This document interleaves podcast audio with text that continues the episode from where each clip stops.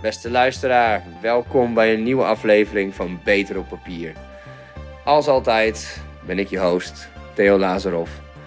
En mijn gast deze aflevering is Celine Verheij. Celine is ehm, iemand die ik ontmoette tijdens de première van eh, Brave New World 2.0 van het Noord-Nederlands toneel. Super vette voorstelling. Als je de kans krijgt en het draait nog in theaters, check die shit. Echt gruwelijk. Ehm, maar het grappige was, ik, toen ik daar aankwam, toen zag ik eerst Lieselot, Jasper Fox, die mijn vorige gast was, bij de vorige aflevering. En na een heel dens gesprek van 10 minuten en de conclusie dat we elkaar snel moesten zien en een podcast moesten opnemen, kwam Celine erbij staan en toen was eigenlijk vrij duidelijk dat Celine ook gewoon in de podcast moest komen. Dus zo gezegd, zo gedaan. Uh, Lieselot uh, is ook meegekomen om, als uh, moral support, maar ook omdat ze haar favoriete um, Alibaba shirt wilde laten zien. Nou, ik heb voor, ja, jullie kunnen natuurlijk niks zien, maar ik heb speciaal voor de occasion mijn favoriete Alibaba trui aangetrokken. Dat is een Arnold Schwarzenegger trui met een ananas. En die van Lieselot is een Bernie Sanders met een kat en daarachter de foto van het heelal. Echt bruut. Maar dat terzijde, want uh, ik, het gaat om Celine. En uh, Celine is iemand die overal op de wereld heeft gewoond. Um, haar uh, familie zit op dit moment nu in Sint Maarten. en zij heeft na orkaan Irma haar broertje en moeder en stiefvader opgezocht. En toen zag ze, trok ze het eiland helemaal in puin aan en daar heeft ze een installatie, een kunstreeks van gemaakt. Daar hebben we het over. We hebben het over tattoos. We hebben het over uh, de Self Collective. En nog heel veel vette shit die in Leeuwarden gebeurt. En dat er gewoon ook een kruisbestuiving moet zijn tussen Friesland en Groningen. Shout-out naar Clash, shout-out naar everybody who wants to be connected. En een uh, oproep om daar meer gewoon met elkaar te doen. Maar ik zou zeggen, enjoy. Het is, uh, ik vond het een hele leuke aflevering. Het ging echt uh, super snel. En voordat jullie daar naar overgaan, nog één dingetje. We hebben DJ Irie World DMC. En we willen heel graag hem aan het werk zetten als we live zijn elke woensdag om 8 uur op de Dat Mag Facebook. Zodat hij gewoon wat records kan spinnen. Maar als jij nou vette demo's hebt, of gewoon vette tracks, Stuur ze naar ons op, datmagazine.gmail.com. Zet in de subject line tracks voor de podcast. En dan spint Irie ze gewoon in de intro. Dat is één ding. Het andere is, check ons op Spotify, Podbean. Uh, Oké, wat is nou Spotify, Podbean? YouTube sowieso. En iTunes. En geef ons even 5 sterren. Wees niet keer. Shout-out naar onze matties van de Hanselmacht met wie we dit samen doen. En natuurlijk naar mijn tagteam. Erik Imtorn, Jasper Bosgraaf, Irie Weergaan. Vette bazen zonder wie het niet mogelijk was om iedere week weer een nieuwe podcast te produceren. Maar nu, Celine Verheij.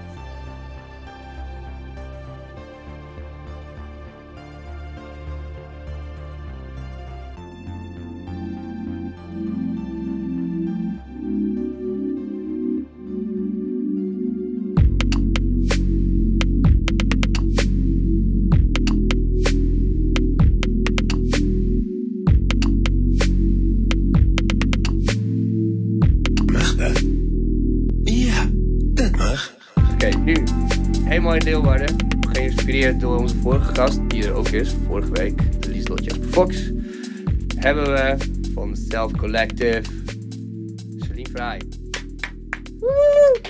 Is het Verheij, hè? Of Verheij?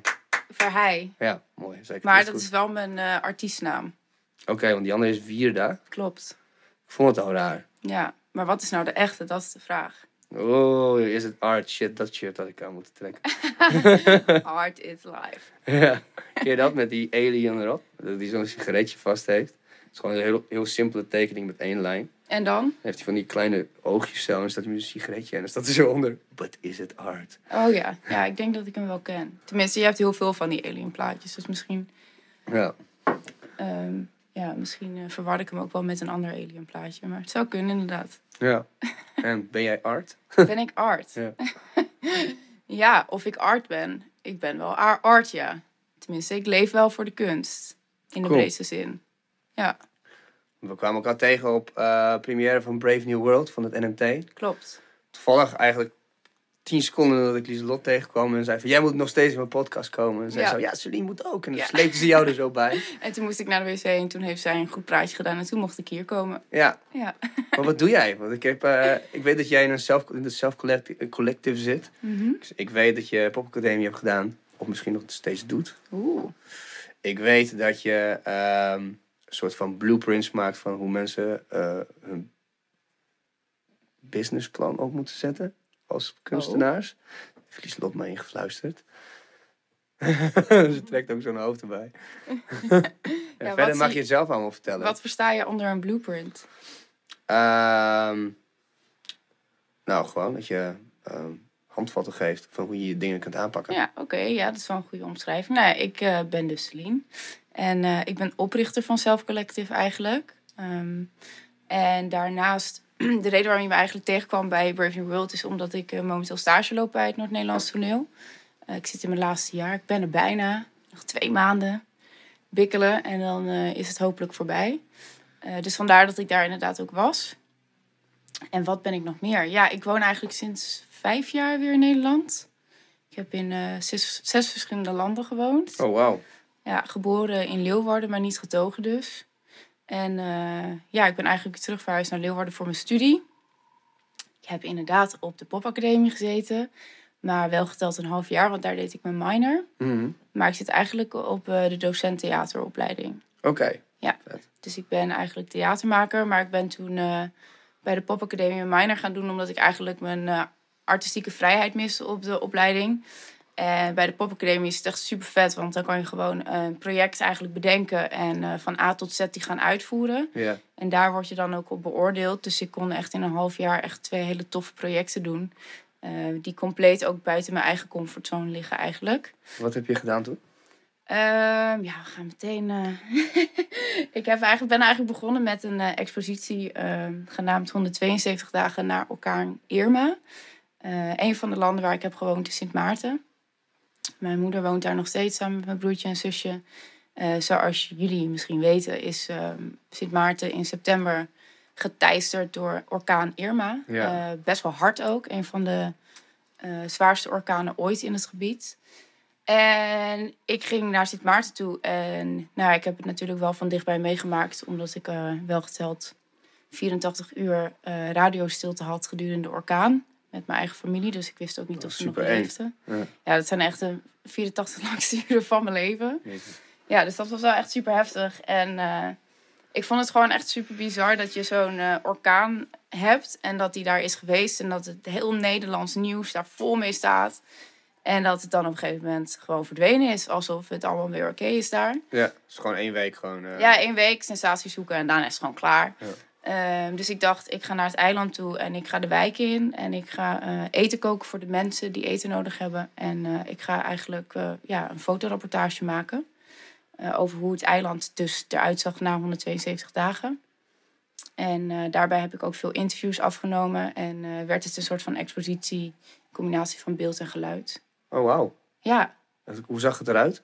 ja vrij heftig. Ehm, Hoe groot is Sint Maarten een beetje voor mensen? Ja, Sint Maarten is denk ik. Ja, het is 36 square miles. Dat is in ieder geval het Ne- Nederlandse gedeelte. Het is kleiner dan Texel. Zo. Ja. Nou, dan ben je wel... Daar zo'n vette orkaan omheen Ja, het was ook echt super sick. Want je hebt zeg maar het, het eiland zo. En je hebt bij een orkaan heb je zeg maar een oog. Ja. En rondom het oog zit het sterkste deel van de orkaan als het ware. Dus als de orkaan zeg maar hier is en het eiland is hier. Dan is het ook minder sterk. Dus er worden ze ook minder getroffen. Eh, maar in dit geval was het eiland hier en ging het oog er recht overheen.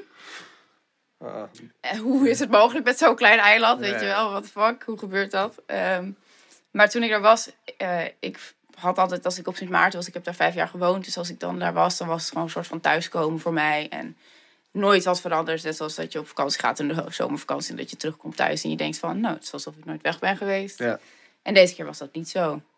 Dus eh, ja, was het echt. Met zo van, je weet niet meer welke straat ja, je in nee, moet. ja, of, eh, het was echt zo van, wow, what the fuck. Dit is gewoon totaal niet meer herkenbaar.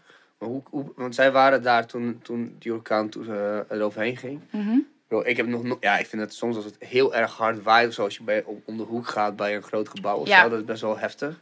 Ja, Maar dan denk ik altijd van, oké, als, als dit al zo heftig is, hoe de fuck moet zo'n orkaan voelen, zeg maar. ja, ja. Dat is voor- Ja, dat, is- dat is vrij lastig voor te stellen. Ik heb nooit echt zo'n heftige orkaan meegemaakt. Volgens mij niemand op dat eiland, omdat er nog nooit Nee. zo'n heftige orkaan is geweest. Maar ik heb wel eens een orkaan van categorie 2, 2, 3 meegemaakt. En dat was al vrij heftig. Dat je bijvoorbeeld... eh, we hadden dan een, een, eh, een, gewoon een, een woning met twee etages. En de bovenste etages, als het ware, was de woonkamer en het balkon. En de onderste etage waren de slaapkamers. En ik weet nog wel dat ik toen de trap opliep en dat ik letterlijk zeg maar het dak zo zag golven. Blijkbaar is, hoort dat zo, want het dak is dan gemaakt dat het inderdaad meeveert met de wind. Ehm, maar ja, je kan je daar niet echt... Ja, het, het lijkt alsof scheermesjes uit de lucht zijn gevallen als het over is. Er is gewoon niks meer over. Fuck. Ja. Dus dat is eigenlijk het eerste project wat ik heb gedaan. Ja. Ehm, en dat was ook mijn eerste expositie ooit bij Self Collective.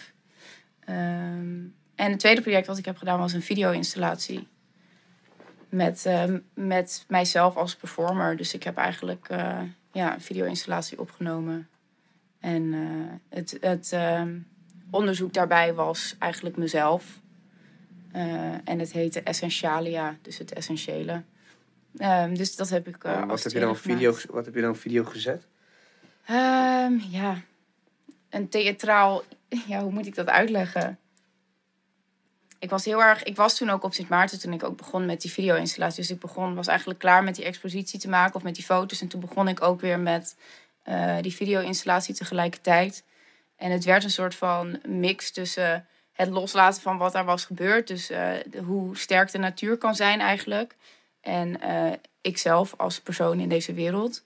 En wat ik wel, wat, waar, waar ik me ook heb door laten inspireren, is eigenlijk dat toen ik daar was op het eiland, dat was dus 172 dagen na de orkaan, waren alle gebouwen en alles wat gemaakt was door de mens gewoon nog steeds helemaal kapot. Maar op een of andere manier was de natuur gewoon weer sterk en mooi en zag het er allemaal gewoon top uit. Dus dat was heel apart, zeg maar. Dat ik echt dacht van, huh, maar alles wat wij zelf maken, dat wordt verwoest. En door de natuur. En de natuur leeft dan wel op een of andere manier toch wel weer op. Ja. Ehm, dus dat was eigenlijk een beetje mijn vertrekpunt. En, en het, eh, het huis van je... oh, we komen weer terug op dat Ja. deel, maar het huis van, van je, van je broer... Het is ook wel vrij Ja. bijzonder thema Ja, ja, ja, Waar, je, waar je broertje en je moeder zaten, die... ehm, stond die nog wel? Ja, ehm, hij stond nog wel. Alleen, ja, ik kan het nog wel wat meer over vertellen. Het is zeg maar, toen het net was gebeurd, toen kreeg ik heel veel berichten op Facebook van allemaal mensen die ik natuurlijk kende. eh, van Sint Maarten. Gewoon allemaal kennis die ik had opgebouwd in de vijf jaar. En ik kreeg steeds weer een bericht van een kennis dat hij iets had gehoord van zijn familie. En ja, ik was soort van de enige die een beetje achterbleef. Eh, toen heb ik eh, eigenlijk uit nood allemaal mensen proberen te contacten die ik kende, die in de buurt wonen, om foto's te maken van de berg waar ze dan op wonen, om te zien hoe het huis er eigenlijk uitzag. En eh, toen kreeg ik op een gegeven moment een foto van het huis, maar daar stond het dak niet op. Dus die foto die was net afgesneden, zeg maar, onder het dak. Dus Ja. ik wist alsnog niet of het dak er nog op zat. En toen ben ik, werd ik echt helemaal gek. En toen dacht ik, ja, mijn familie is vermist. Ik weet niet wat ik moet doen. Dus ik ben echt als een gek gaan twitteren. En ehm, uiteindelijk werd ik die avond ook nog gebeld door Pauw. Van, eh, goh, jij bent de enige die we ongeveer hebben gezien die nog niks heeft, geho- heeft gehoord. Eh, wil je morgen in de uitzending komen? Dus ik dacht, ja, kom op, ik wil gewoon mijn familie... Ja, eh, ja, ja, ik ben hier niet nog. geen- ja, let's go. Ja, ja. ik wil, ze, wil contact met ze hebben. En als dit de enige manier is om dat te doen, lijkt me dat echt heel fijn. Ze hebben me nooit meer teruggebeld, overigens. Maar gebeurt wel vaker, volgens mij. Ja, dat vond ik echt... Die vrouw die belde me ook echt om half twaalf 's avonds. En ik had echt al twee dagen niet geslapen. Ik dacht echt, wauw, thanks man, dat je me niet terugbelt. Ja, ja, ja. Maar goed. En toen eh, uiteindelijk nog steeds geen contact, geen foto's of whatever. En eh, uiteindelijk denk je van, als ik weet dat er iets leeft daar of dat iemand beweegt in dat huis, ehm, dan ben ik tevreden. En op een gegeven moment kreeg ik een berichtje dat ehm, van een dochter van iemand anders die ook op die berg woont, dat hij hmm. mijn stiefvader had zien lopen buiten. Dus ik dacht toen, oké, nu ben ik blij. Maar uiteindelijk denk je, nee, ik ben nog steeds niet blij, want ik wil gewoon horen dat ze nog leven en hoe het met ze gaat. Ja. Want ze konden ook niet de berg op, omdat die geblokkeerd was door allemaal auto's die waren weggewaaid. Oh, jezus. Ja, dus niemand kon ook zeg maar de berg op. Want de militairen die moesten eerst ja, de weg eigenlijk schoonmaken. En de militairen mochten niks doen, omdat uh, degene die toen nog uh, ja, prime minister was die tijd, heeft uh, best wel lang gewacht met het tekenen van het contract om de hulp van Nederland toe te staan. Mm. En toen, nou ja, toen dacht ik van ja, ik ga het radiostation bellen van Sint Maarten. Want uiteindelijk kwamen ze dus weer live met een noodantenne, omdat de hele schotel was weggevlogen ook. Dus ze waren ook offline op een gegeven moment. En toen uh, heb ik heel vaak gebeld, geen gehoor, geen gehoor. Na drie dagen toch nog een keer gebeld. Uh, ondertussen ook uh, benaderd door Hart van Nederland. Dus ik dacht echt, dit is, je wordt zelf ook steeds gekker, weet je ja, ja.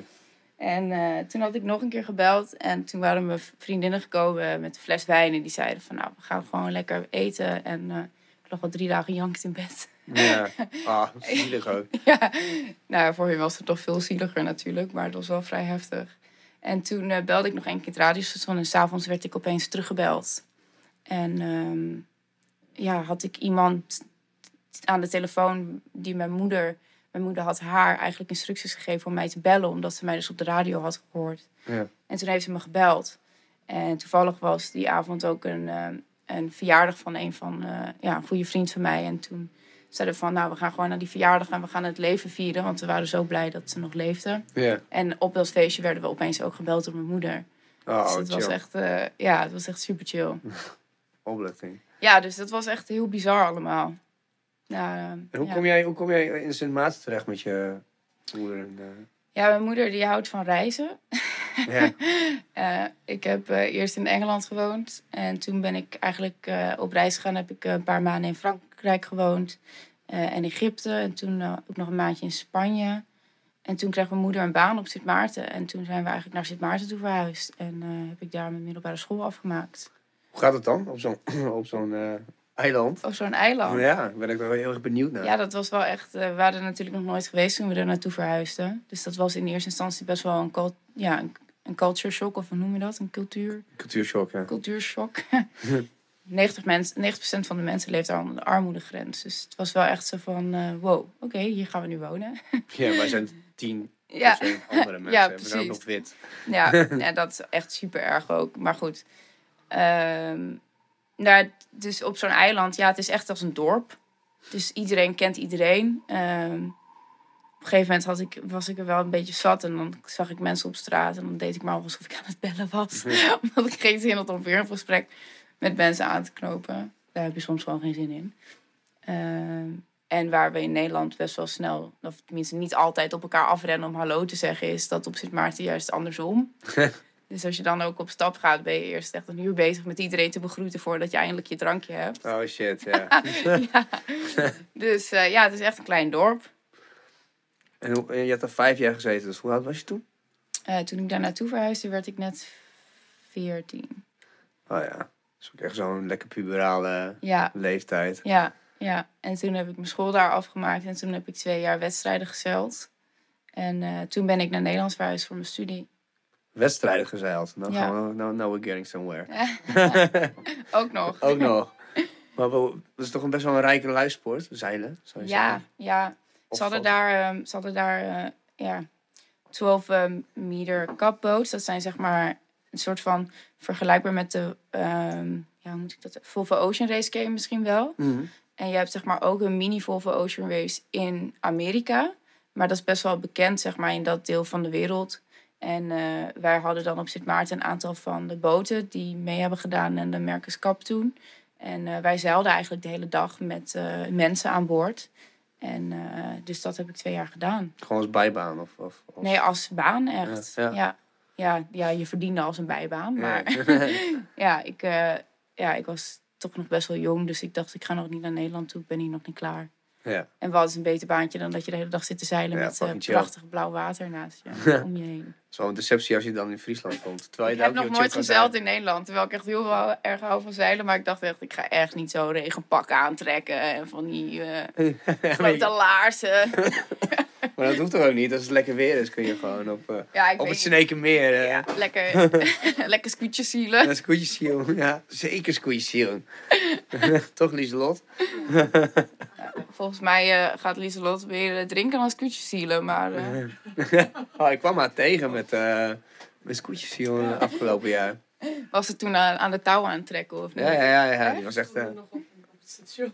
Oh, je stond nog op het station. Je was nog niet zo ver gekomen. Je stond nog in de appie to go. Theo heeft ons gebracht. ja. Nou, dat is echt een top, vriend. Ja. Hoppa.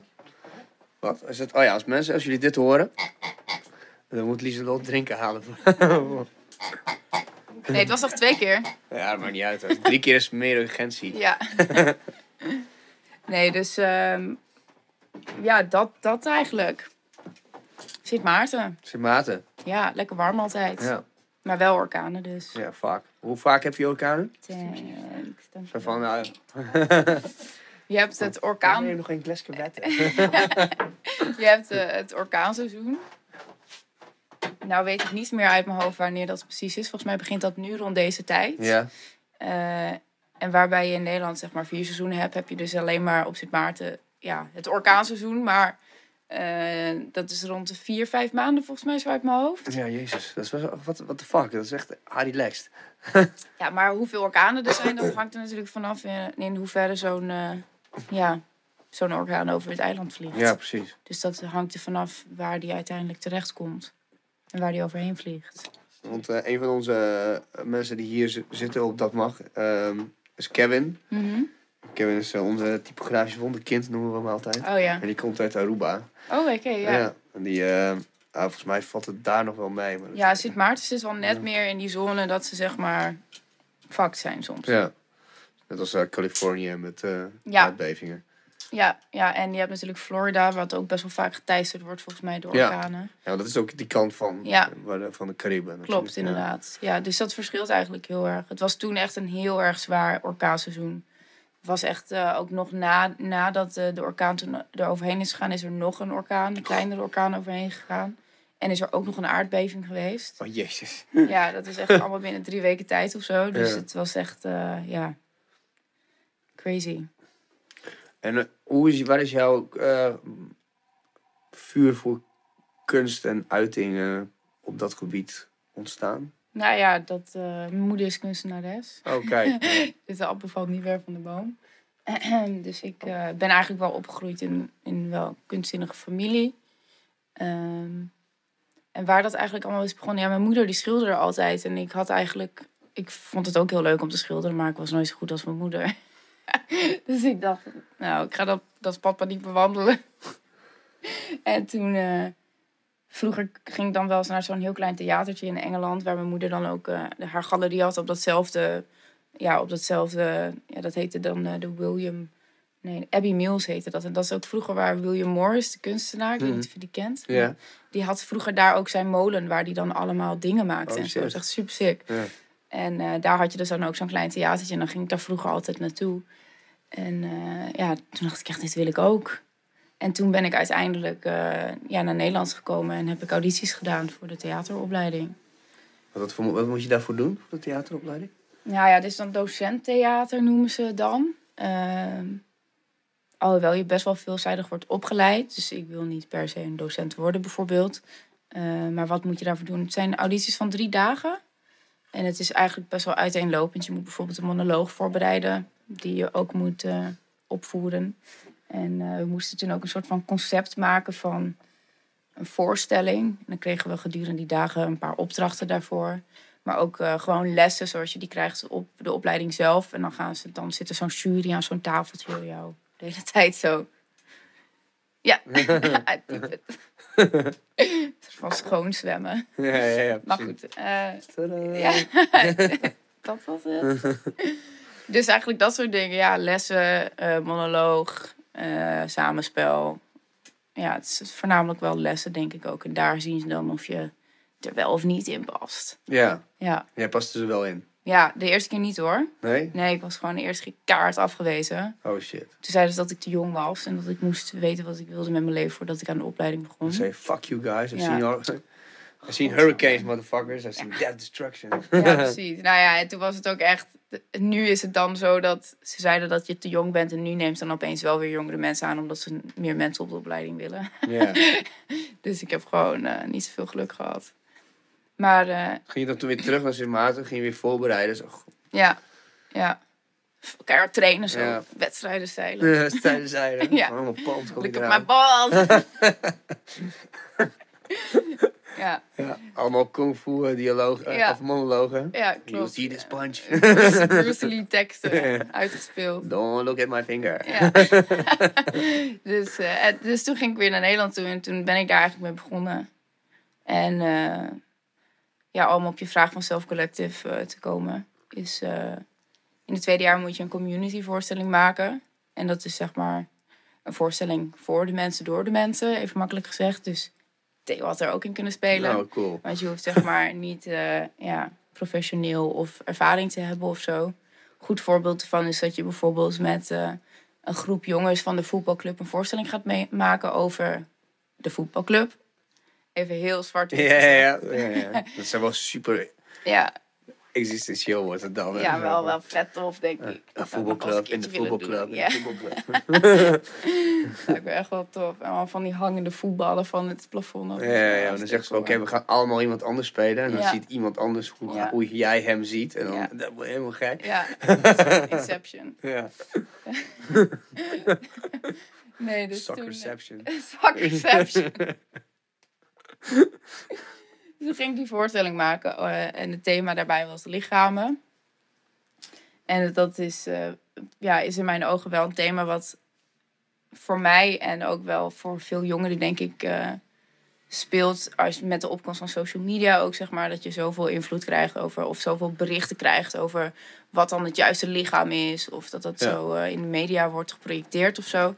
Dus toen dacht ik, nou, ik wil er niet alleen een voorstelling over maken. Ik wil eigenlijk dat het een ja, groter raakvlak bij het publiek heeft. En niet iedereen houdt van theater. Dus toen ging ik op zoek naar mensen die een documentaire erover wilden maken. En eh, iets met kunst. En dat is uiteindelijk een fotoseries geworden. Dus toen hebben we een soort van dat drieluik gepresenteerd.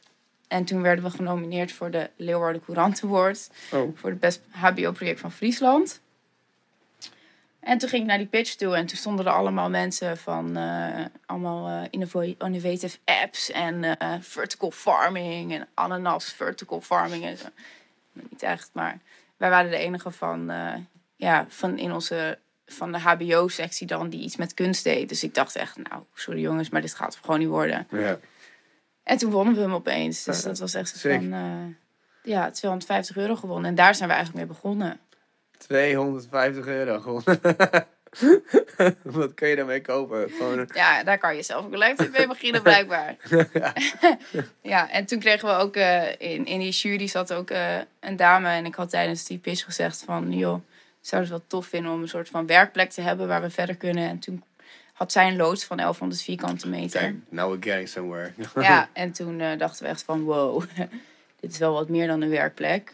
Fuck je 250 euro, doe maar die loods. Ja.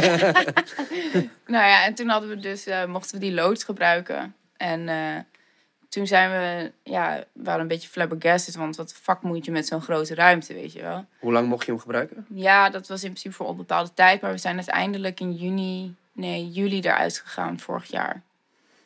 Ehm, en toen eh, zijn we eigenlijk wat onderzoek gaan doen binnen ons netwerk, maar ook de culturele sector in Leeuwarden.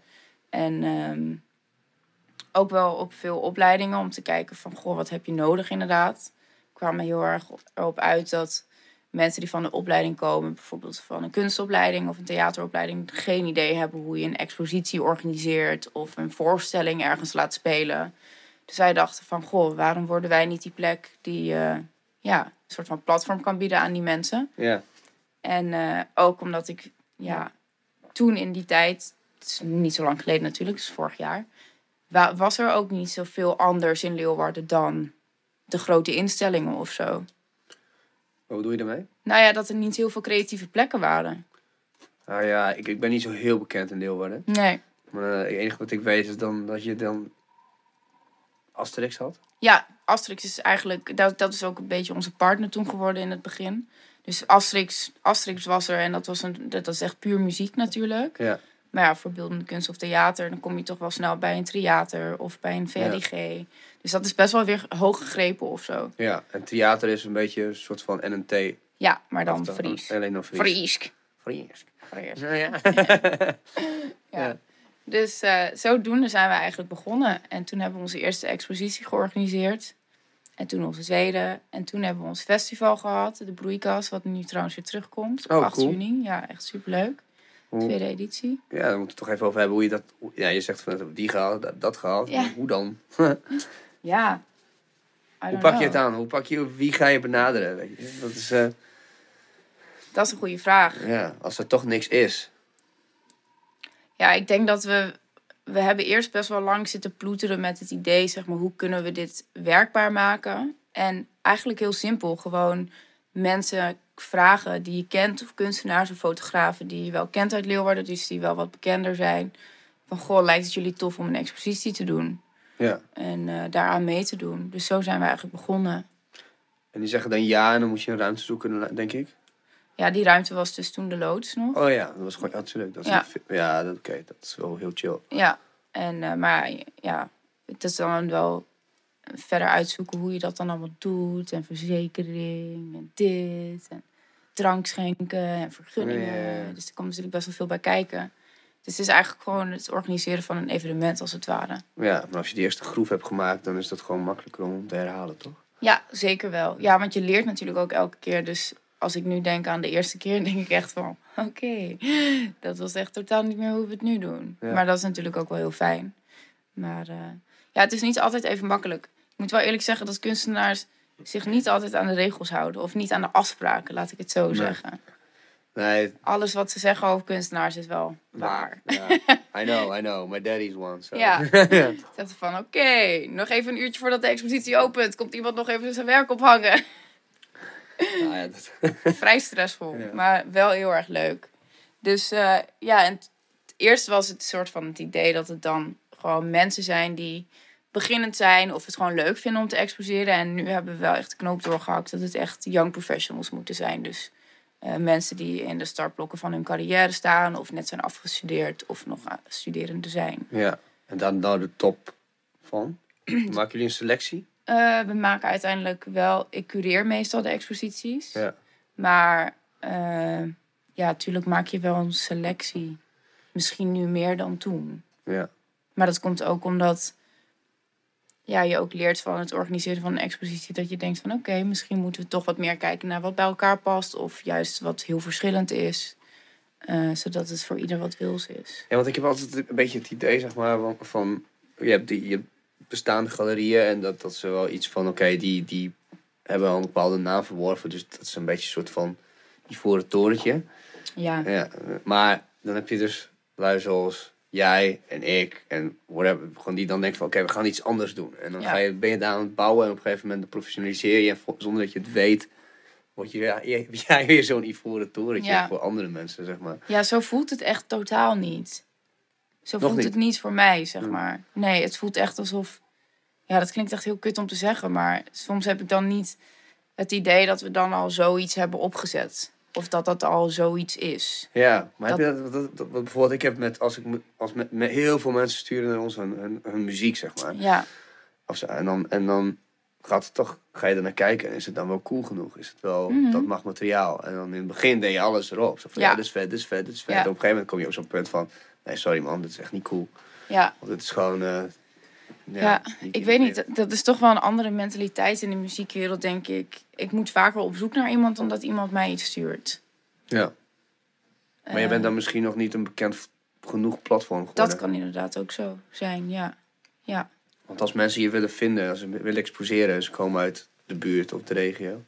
ja ik denk echt dat, dat, er wel, dat er voor veel mensen een soort van niet durven zit.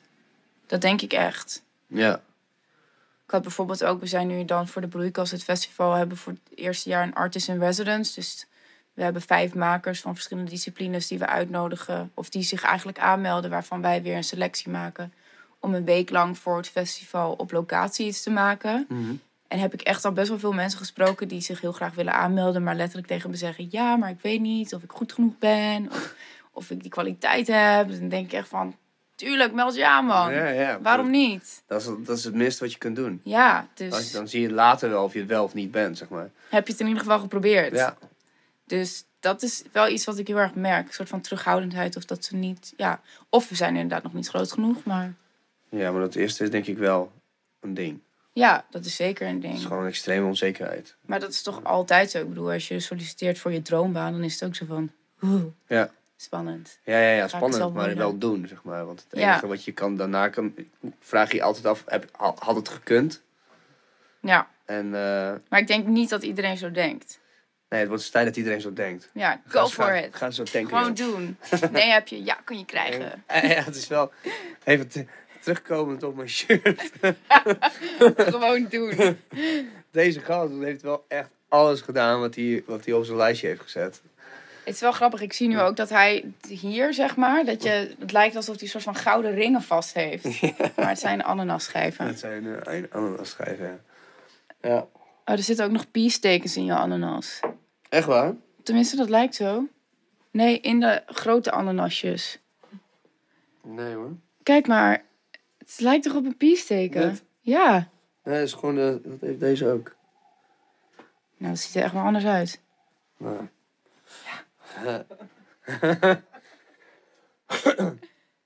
maar goed. Het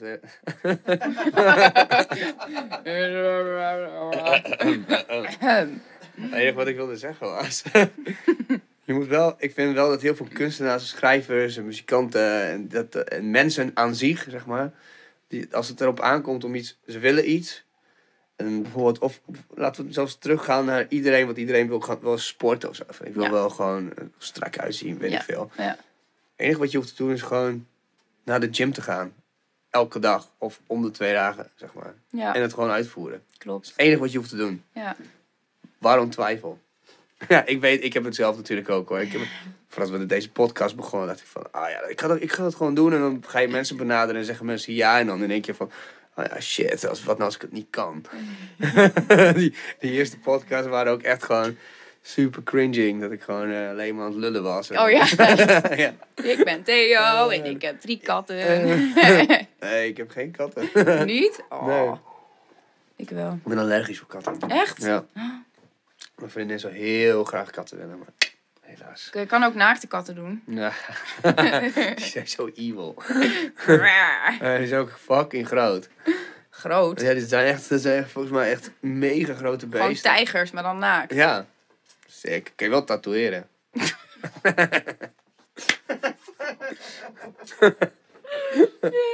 Ja, gewoon even zo spuiten in de nek, in slaap worden ze wakker. Zijn zijn ze gewoon helemaal ondergetatoeëerd, dikke gangsters. Dat zou jij doen. Jij bent echt zo'n evil cat daddy.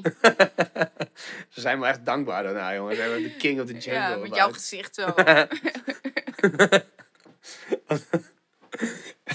Zo'n derde oog zo op hun voorhoofd. Theo is watching. Illuminati, Illuminati. Alles op die kat tatoeëren wat je eigenlijk op jezelf had tatoeëren, maar dat kan gewoon niet. Ja. Gewoon not done. Heb jij tattoos trouwens? Ja, ik heb tattoos. Vet, iedereen heeft tattoos tegenwoordig. Heb jij tattoos, Irie? Nee, man. Nee, ik ook niet. niet. iedereen dus. Nee, maar wij zijn ook echt wel oude, old school. Old school. Old Bijna school. met pensioen. Nee, dat ik niet. Oh. Maar waarom, waarom heb je geen tattoos dan? Het is een lang verhaal. Ik denk, ehm, er is een periode geweest dat ik heel graag wel tattoos wilde. Mhm.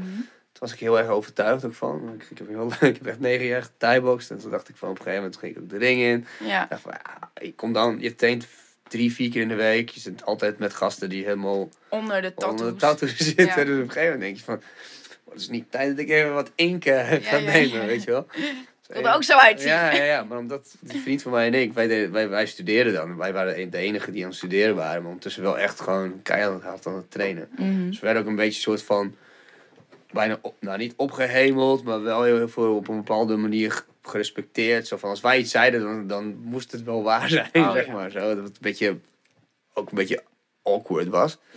Dus wij voelden, voelden me ook wel eens een beetje een soort van, eh, een beetje, ja, duivels af en toe. Dat je toch eh, altijd je gelijk kon krijgen op een bepaalde manier.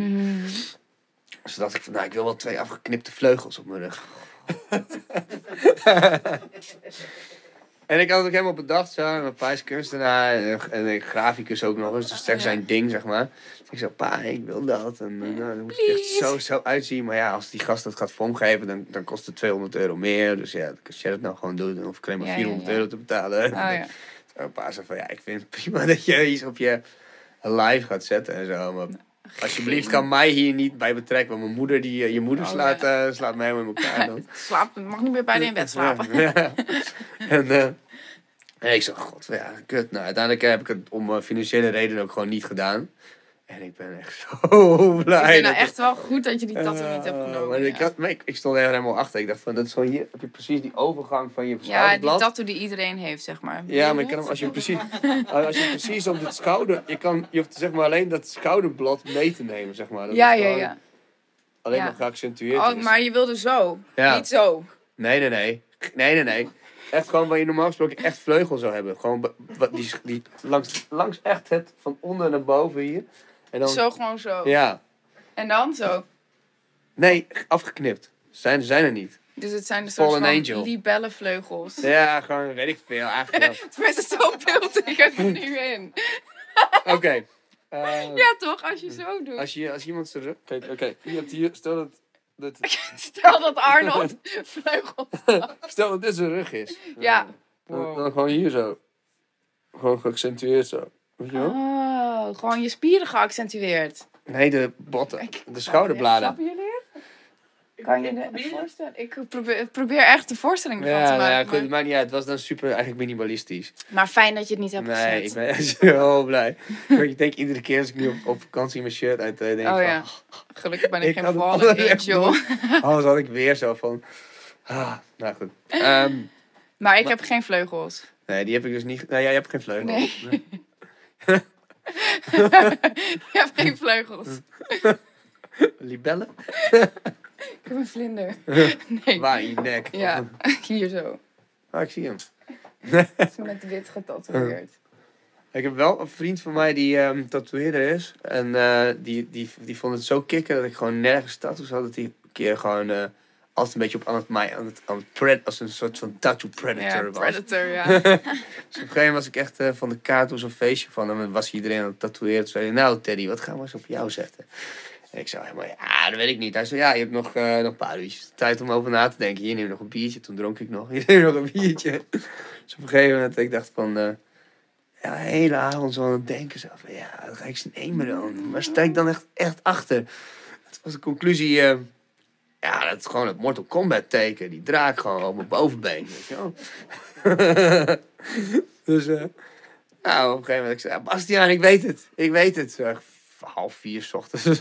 ik weet het, die Mortal Kombat draak. En zo'n foto laten zien, wel met die twee erin, want dat is mijn favoriete deel. En, eh, en hij zou, eh, nee, nee, nee.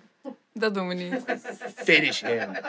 Finish him. Finish him. Dat, je weet het, Mortal Kombat? Nee, niet zo. nou, Ja, ik ken wel die vechtdingen. Dat is zo. ja, ja, dat is een vechtspel inderdaad. Maar Ja. op het einde, als je dan gewonnen hebt, dan mag je Oh, dan gaat. Want er zit zo'n dingetje toch die steeds lager gaat. Zo'n levens. Zo'n levensbalkje. Ja. Als, je dan als je twee keer achter elkaar gewonnen hebt, dan zie je die andere tegenstander, die tolt dan zo. Oh ja, dingetje. En, ja, en dan komt er zo, finish him. Oh. En dan mag je een finishing move doen en dan is het meestal zijn kop eraf trekken of zo. Oh, leuk. Ja, dat is echt wel heel gruwelijk. Ja. Voor die tijd al sowieso.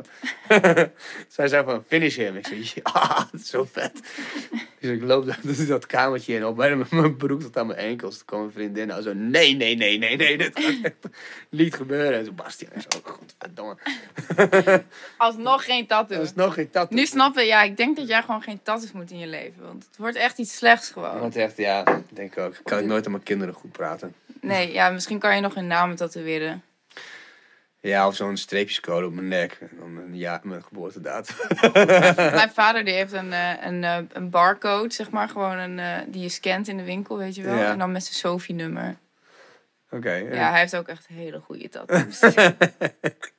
Respect, man. Ik ga verder niet in detail, want dat eh, lijkt me niet zo Wat tattoo heb jij dan? Ik heb gewoon twee normale tattoos. Wat zijn normale tattoos? Ja. Karpers?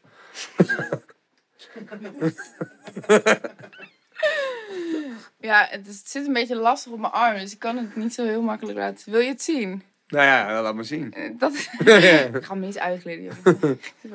ik heb twee tattoos. Ik heb deze is mijn meest recentelijke. Nee, en mensen denken dat het een maan is, maar dat is het niet. Dat is het eerste wat ik wilde zeggen, ja. Oh nee, het is een... Huh? Oh, dat is een meisje. Die... Een meisje. Ben jij een wiggy? Dat is een meisje die dan zo, zo ligt in een ei. Nee. een meisje stort zo in een ei. Het is gewoon een vrouw. ja.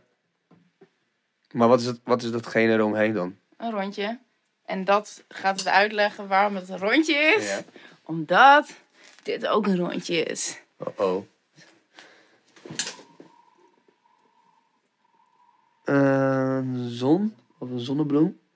Een zon, een maan, een yin en een yang Oké, ja. Ja, ja, ja. en een bloem. Ja. Dat noem jij normale tattoos? Nou ja, geen gebroken vleugels of eh nee, nee, dat zijn, finish him. dat zijn paupertattoos. Ja, inderdaad. Dit zijn kunsttattoos. kunsttattoos. Ja. Ja.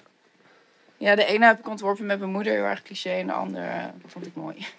Maar waar zag je hem dan? Die? Ja? Ja, op Instagram. Nee. Ja, Echt? en toen heb ik hem wat aangepast. Oké. Cool. Wat is dat raar? Ja, nee. Ja, het is gewoon de nieuwe, de nieuwe, de nieuwe way, weet je wel. Ik zag iets op Insta. Die Ja, nou ja, vroeger zag je het op Google. En vroeger zag je het in een magazine. denk ik. Ja. Je doet echt alsof je 80 bent of zo. Jeetje, Mia. Iedereen helpt mij, dat is toch zo? Ja, dat is ook zo. Vroeger zag je het op Google. Ik denk, dat is niet vroeger, dat is nog steeds. Ja, oké, maar weet je... Ja, ik Staat jullie mic wel aan trouwens? Nee, maar ik bemoei er niet mee. Ja, dat is dus net zoals dat je naar de kapper gaat en dat je kapsel uit gaat kiezen, ging je vroeger dan naar de tattoo shop en dan koos je dan pas Ja. uit. Nou ja, er is, er is wel een, eh, een gast we- wa- waarmee ik vroeger altijd uh, thaiboxte, Ben. En die, die is nu echt, echt een van de beste tatoeëerders van Groningen geworden. Oh, Tattoo ja. Ben. Die, die, zet nog, die zet wel goede kappers. Kan, Ja? je, ken je de Ja, deze zijn op Sint Maarten gezet. Oh, vet. Ja. Ook met een tak, tak, tak, tak. Nee, dat niet. Gelukkig niet. Zo'n naald en zo'n bamboe. eh. Ja, kan dus blijkbaar echt niet tegen tattoos. Nee, dat is echt wel heel erg beschamend. Ik ben echt een slechte tattoo persoon. Waarom? Zoals je aan het huilen. Nee, dat niet. het doet wel pijn, maar ik was niet aan het huilen. Maar ik ga echt heel slecht op tattoos. Dus de eerste keer dat ik mijn tattoo laat zetten, dat was deze. Toen eh, was hij dus aan het tatoeëren. En toen ging ik echt op een gegeven moment gewoon half oud, zeg maar. Ik hoorde echt zo... Echt de ruimte zo.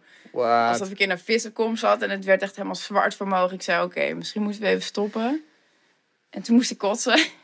Wat? Ja, omdat je lichaam is natuurlijk iets onnatuurlijks. Dus eh, sommige mensen kunnen er beter tegen dan andere mensen. Ja. En toen zei hij ook van, nou heb je wel goed gegeten? En ik had eigenlijk niet zo goed gegeten van tevoren. Dus ik dacht, oh, zou wel daardoor komen. Dus ik deze toen in, wanneer was dat? Ik was daar in januari, in, op Sint Maarten. Toen heb ik die andere laten zetten.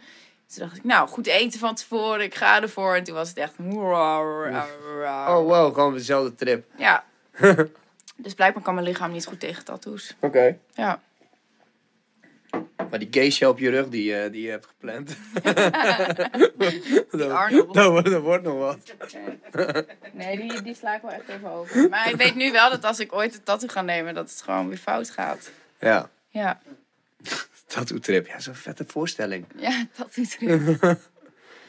Een heel foute poster ook zie ik voor me. Nee. Dat diegene aan het tatoeëren is wat het plaatje is dat hij aan het tatoeëren is. En dat het zo... Oh man. Jij bent wel echt van de Inception dingen, hè? Komt op het truitje van vandaag, denk ik. Heb jij een beetje te veel ananassen gegeten? Nee, ja. Oeh, pineapple craziness. Nee, ik was... eh, we waren afgelopen weekend naar Clash. Waarom hebben jullie niks op Clash gedaan? Dat was ook wel vet geweest. Ja, dat we daar niet voor uitgenodigd worden. Nou, dan moet je jezelf toch uitnodigen. Is dat zo? Ja. Ja, we zijn echt nog niet in Groningen bekend. Nee. Nee, Nee, het is toch nog wel echt een, twee, een tweesplitsing, hè? helaas wel. Vind ik echt heel jammer. Dat is het ook. Ja. Ik ben nu wel bezig met, met de, ons nieuwe festival. Dan ook wat eh, mensen te exposeren uit Groningen. Ja. Ik vind echt wel dat dat moet gebeuren. Ook idem dito voor Groningen eigenlijk. Als je nog iemand... eh, ik, weet nog, ik weet niet echt beelden... Ja, Kevin, natuurlijk. Kevin. Die heeft echt vette shit. Maar ehm, Als je iemand wil die bij je opening iets voordraagt of zo, dan moet je even Casper van Hoek hebben. Oké, Dat is, eh dat is de man. dat is de man. Die heeft een ehm, heel mooi stijltje ontwikkeld. Dat hij Mhm. eh, dat hij heel direct, kort en droog dan iets alledaags zeg maar, aan de kaak stelt. Oké. Stel dat bijvoorbeeld, ik ga dit helemaal verkeerd zeggen denk ik, maar de strekking is, stel dat morgen alles twee keer zo groot is. Hoe komen we daar dan achter? Stukje boek, een stukje proza van Casper van Hoek. Heeft hij dat gezegd? Ja, dat is een nieuw Oh. boek. ik zou dan echt denken van... Kroekoe, kroekoe. Wat moet ik dan zeggen? ja, ja, dat is not Het is compute. gewoon een soort van leave you speechless. Ja. Ja, of eh, de man voor mij eh, bij de Albert Heijn heeft eh, een plastic tas en twee blikjes. Oh. Dat is ook... dat is gewoon... Maar hij heeft ook een keertje de... de een, een, een... Oké, dit ga ik nu even een mooie Casper verheerlijking. Hij zit ook Jij bent echt Casper fan, hè? Ja, ik ben ik Casper zie het aan je. Ja, zeker, zeker. ik heb zelfs een boekje voor je. Heb je ook een shirt met zijn gezicht erop? Oeh, dat is wel vet, hè? Nog niet. Nog niet. Misschien heeft het wel op AliExpress. Nee, ik denk dat hij eerder zo, zo eentje is dat hij zo'n kat aan het knuffelen is. dat is Bernie. maar, eh, Cat Bernie. Cat Bernie. En maar hij heeft ook een, eh, wat wil ik nou zeggen? Hij, heeft, eh, hij beschrijft ook hoe zijn, in zijn eerste eh, boek de zoektocht naar een, dat je online een t-shirt kan bestellen met jouw tekst of spreuk hier. En dat het gewoon echt niet zo makkelijk is als je denkt. Nee. Want in het begin, ja, dan... Ik heb wel eens een keer een column geschreven. Ik schreef een jaar lang columns voor het Uit magazine in Leeuwarden. ja. En dat is echt best wel moeilijk, een column schrijven. Want het is echt van, waar ga ik het deze keer over hebben? En toen kwam er een item, of er kwam het magazine begin januari uit. En ik dacht, ik ga gewoon echt super cliché zijn. En ik ga gewoon een column schrijven over het nieuwe jaar. En de New Year resolutions. Ja. En toen ging ik ook zeg maar, op het internet zeg maar, dingen zoeken over New Year resolutions. Toen kwam ik op de fotopagina van Google. En daar stonden echt allemaal van die mokken. En ja, echt hele grappige teksten allemaal van... eh, eh, I'm not even gonna try with my solution. Ja, ik kan het nu... Dit klinkt echt super kut. ja. Kom, je, weet je best. Ja, wat stond er ook alweer? Kut. Shut up and squat. Shut up and squad.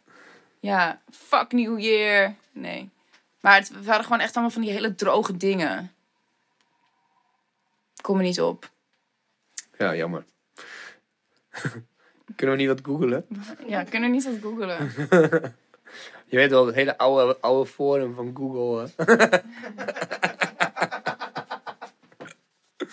dat is nog voor de gram, weet je. maar oké, maar de, de Ja, kruisbestuiving... het de, krui- de kruisbestuiving tussen Groningen en eh, Leeuwarden moet gewoon beter. Ja, want jij was nog over Clash aan het vertellen. Ja, want Clash was super vet. En ik Ja. durf te wedden dat gewoon als je gewoon de juiste persoon had aangesproken... dat er echt wel een klein plekje op dat festival was. Ja. En ze hebben de hele tijd een soort van aanloop naar het, door het jaar heen naar het grote festival. Mhm. En dat was dus eh, eerst Clash hashtag 1, Clash hashtag 2, Clash eh 5 op een gegeven moment is er geweest. Dan, nou, dat werden allemaal van die kleine, kleine dingetjes. En Ja. eentje, er was zo'n Teddy Last Ride, dat is Ja. een eh, theater, ken je dat? Ja. Oké, nou als die daar kunnen staan, ze doen wel hele vette shit. ja, die zijn wel wat groter hoor. Ja, dat klopt. Want die, groot. die wilden wij programmeren op ons festival. Ja, maar Ja. Dan, dan heb je... Oké, als je die wil programmeren, dan, dan heb je vast ook wel iets wat daarbij past, zeg maar. Ja, Wat wel Ja. gelijkwaardig is. Dus dan... maar ik denk ook... Ik denk misschien dat het wel mogelijk is. Alleen, ik heb gewoon nog de tijd er niet voor gehad, heel eerlijk gezegd. Ook. Ja. ja. Dus Niels, als je luistert. Niels Kneders-Meijer moet je Zoek hebben. ons op. Ja. Ik heb wel een nieuwe foto gezien. Hij had toch nog zo'n nieuwe foto? Dat is zo schietzo. Nee, toch e- zo'n eentje in het bos dat hij zo naakt is. Oh ja. Ja, dat, was echt een, dat is echt een bazenfoto. dat hij als zo'n nimf zo met zijn draaitafel, met zijn console zo voor de pik. Ja, die. Ja. ja. Maar je, weet- je weet hem wel. Je weet wel wie het is. Je kent hem ook persoonlijk? Nee, ik ken hem niet persoonlijk. Oké. Hit me up, Niels. ja, zo. Nee, ik ken hem niet persoonlijk. Nee. Wie weet, ooit op een dag. Ja. Ja.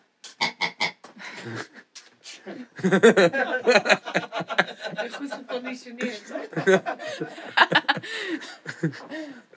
Ik weet niet of er nog water is, uh, Lieselot. Misschien moet je water. Misschien moet je naar de kraan.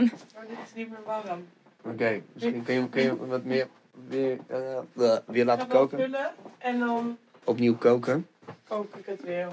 Cool. Mooi, hè? Ja. Doei! Don't get lost. Maar je had wel van ons gehoord. Van dat mag. Dat vond ik wel heel grappig. Toen ik mezelf voorstelde. zei je, oh ja, dat mag. Ja, Hoe dan? ik heb... eh, jullie hebben een keer een artikel gedaan met Koen Haringa. Oh ja, dat was ik. Dat was jij. Ja. Met skateboard en zo. Dat hij die foto's, dat hij op dat skateboard zit. Oh ja, Ja, daar had ik het eigenlijk voor de eerste keer gezien. oké. Ja, en eh, toen zag ik ook later nog die podcast van Lara. Die eh, natuurlijk ook die inleidingen doet bij het NNT. Harbors, ja. Ja. Ja. Ja, ja, Dus ja, dan ken je toch wel weer mensen die daar dan... eh, Dat gaat toch wel snel. Ja. Heel veel, dat is heel grappig dat je deze dingen noemt. Want normaal gesproken zeggen mensen, ik ken jullie van de ochtendrubriek. ik weet geen eens wat dat is. Ja, weet, we hebben de start-up. Heet dat. En dan kun je ehm, s ochtends ehm, ehm, bellen we mensen wakker, zogenaamd. En die vertellen dan wat ze dan s ochtends doen, wat hun ochtendroutine zijn. Dat is heel interessant. Bijvoorbeeld het, meest grappige is, dat is dit altijd de vraag tussen van, wat ontbijt je dan? Of in het begin zeiden we altijd van, als je een week lang hetzelfde ontbijt zou moeten nemen, wat zou het dan zijn? En toen was het echt ze altijd van, huh? Oh, maar ik eet altijd hetzelfde. Oh ja. Weet je wel? Dus dat vind ik heel bijzonder, dat mensen dat, dat doen. En het blijkt ook uit heel veel onderzoeken dat als jij een, dat heel druk hebt in je hoofd Mhm. en je wil ehm, eigenlijk eh, heel vrij zijn, eh, eh, vooral aan het begin van je dag zonder te veel nadenken, dan moet je gewoon een ochtendroutine hebben. Oh ja. Die je gewoon als een soort van programma afspeelt en dan Makes hoef je geen keuzes te maken. Ja. Heb jij een leuke ochtendroutine? Nou, nee, eigenlijk niet. Ik sport elke ochtend. Voor een kwartier. Het is gewoon een soort van ochtend, dat is mijn ochtendroutine eigenlijk. En dan drink ik een bak koffie en eet ik een banaan en ren ik de deur uit. Mijn ochtendroutine is vooral zo lang mogelijk in bed blijven liggen. Oh, Ja. Ja. hoe laat sta je ongeveer op? Of heb je geen vast? Verschilt heel erg, eigenlijk afhankelijk van wat ik doe. Maar meestal rond een uur of acht. Oké, ja, dat is wel netjes. Ja. Voor een kunstenaar. Ja, ja. Hm. Maar ik maak dan meestal wel een lange dag. Dus ik vind acht uur niet per se vroeg of zo. Vind je acht uur vroeg? Nee. Nee, het is toch laat? Ja, Ja. ik wilde je een beetje in je waarde laten. Er zijn allemaal comments zo meteen onder. Je, ja, acht uur, wat ik sta om half zeven op. Acht uur is helemaal niet vroeg. ik sta altijd om kwart voor zes op. Dus dan, Wat? Ja. Jeetje, Mina, waarom? ja, gewoon, ik heb een ochtendroutine. Kwart voor zes? Ja. En wat doe je dan als je op stap gaat? Ga je gewoon niet slapen? Nee, ik ga bijna nooit meer op stap. ja. ja. Nou, ik was dus wel eh, op stap geweest met Clash. Nou, Oh, inderdaad, dan ja. slaap ik dus niet. Want dan kom ik dus om vier uur thuis en dan drink ik nog een kop thee. Dan praat ik Kopje thee. Ja. Even voor je stem. Ja, en... eh, Kopje warme melk met honing. inderdaad. Ja. En dan ga ik liggen en dan ben ik klaar wakker. Wauw. Ja. Maar Dus hoe lang is dat al zo dan? Dat je zo plafondsdien... Plafonddienst draaien zonder drugs. Dat is echt kut. Echt top. En dan heb je echt... heb ik echt gemaakt. Dan heb je het echt gemaakt in je leven, ja. Ja.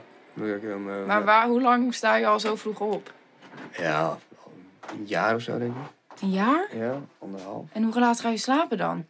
Ja, sorry, ik ben echt heel verbaasd. Kwart voor zes. Ja, eh, nou meestal rond uurtje of tien. Behalve op de, op de woensdag.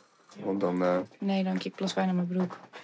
ja, moet je plassen? Ja. Anders ga, ga je even plassen. Time out. Ja. We'll be right back, kijkers. nee, maar Kom even... kom even, kom even bij. Lieselot, kom. Laat je shirt even zien. Ja. Zo, zo je shirt laten zien. Nee, ga Ja. even op haar plek zitten. Je moet hier. Ja, Ja. moet plassen. Oké, nou dan is het even open. Neem maar echt even over. Nee, geen tijd. Dames en heren, hier is Lolle Jasper Fox.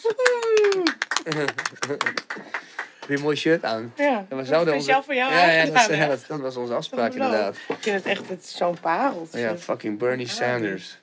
Wij wisten ook niet eens wie het was totdat Erik, shout-out. Is het hem echt? Ja. Hm. Ja, ik vind het prachtig. Het, is- het glimt ook zo mooi, hè? Ja. Gemaakt van plastic, denk ik.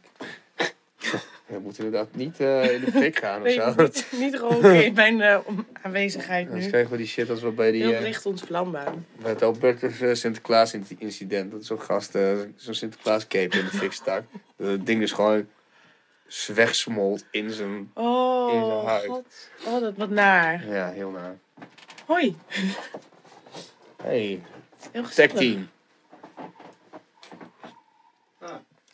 Is de weerspiegeling van mijn shirt te intens? De lichten even opnieuw eh, afstellen. We zijn nog wel gewoon live en zo hoor. Ja, geen probleem. Wel. Ja, dat maakt verder niet uit. Hoppa, Erik die, eh, die poetst even de camera's.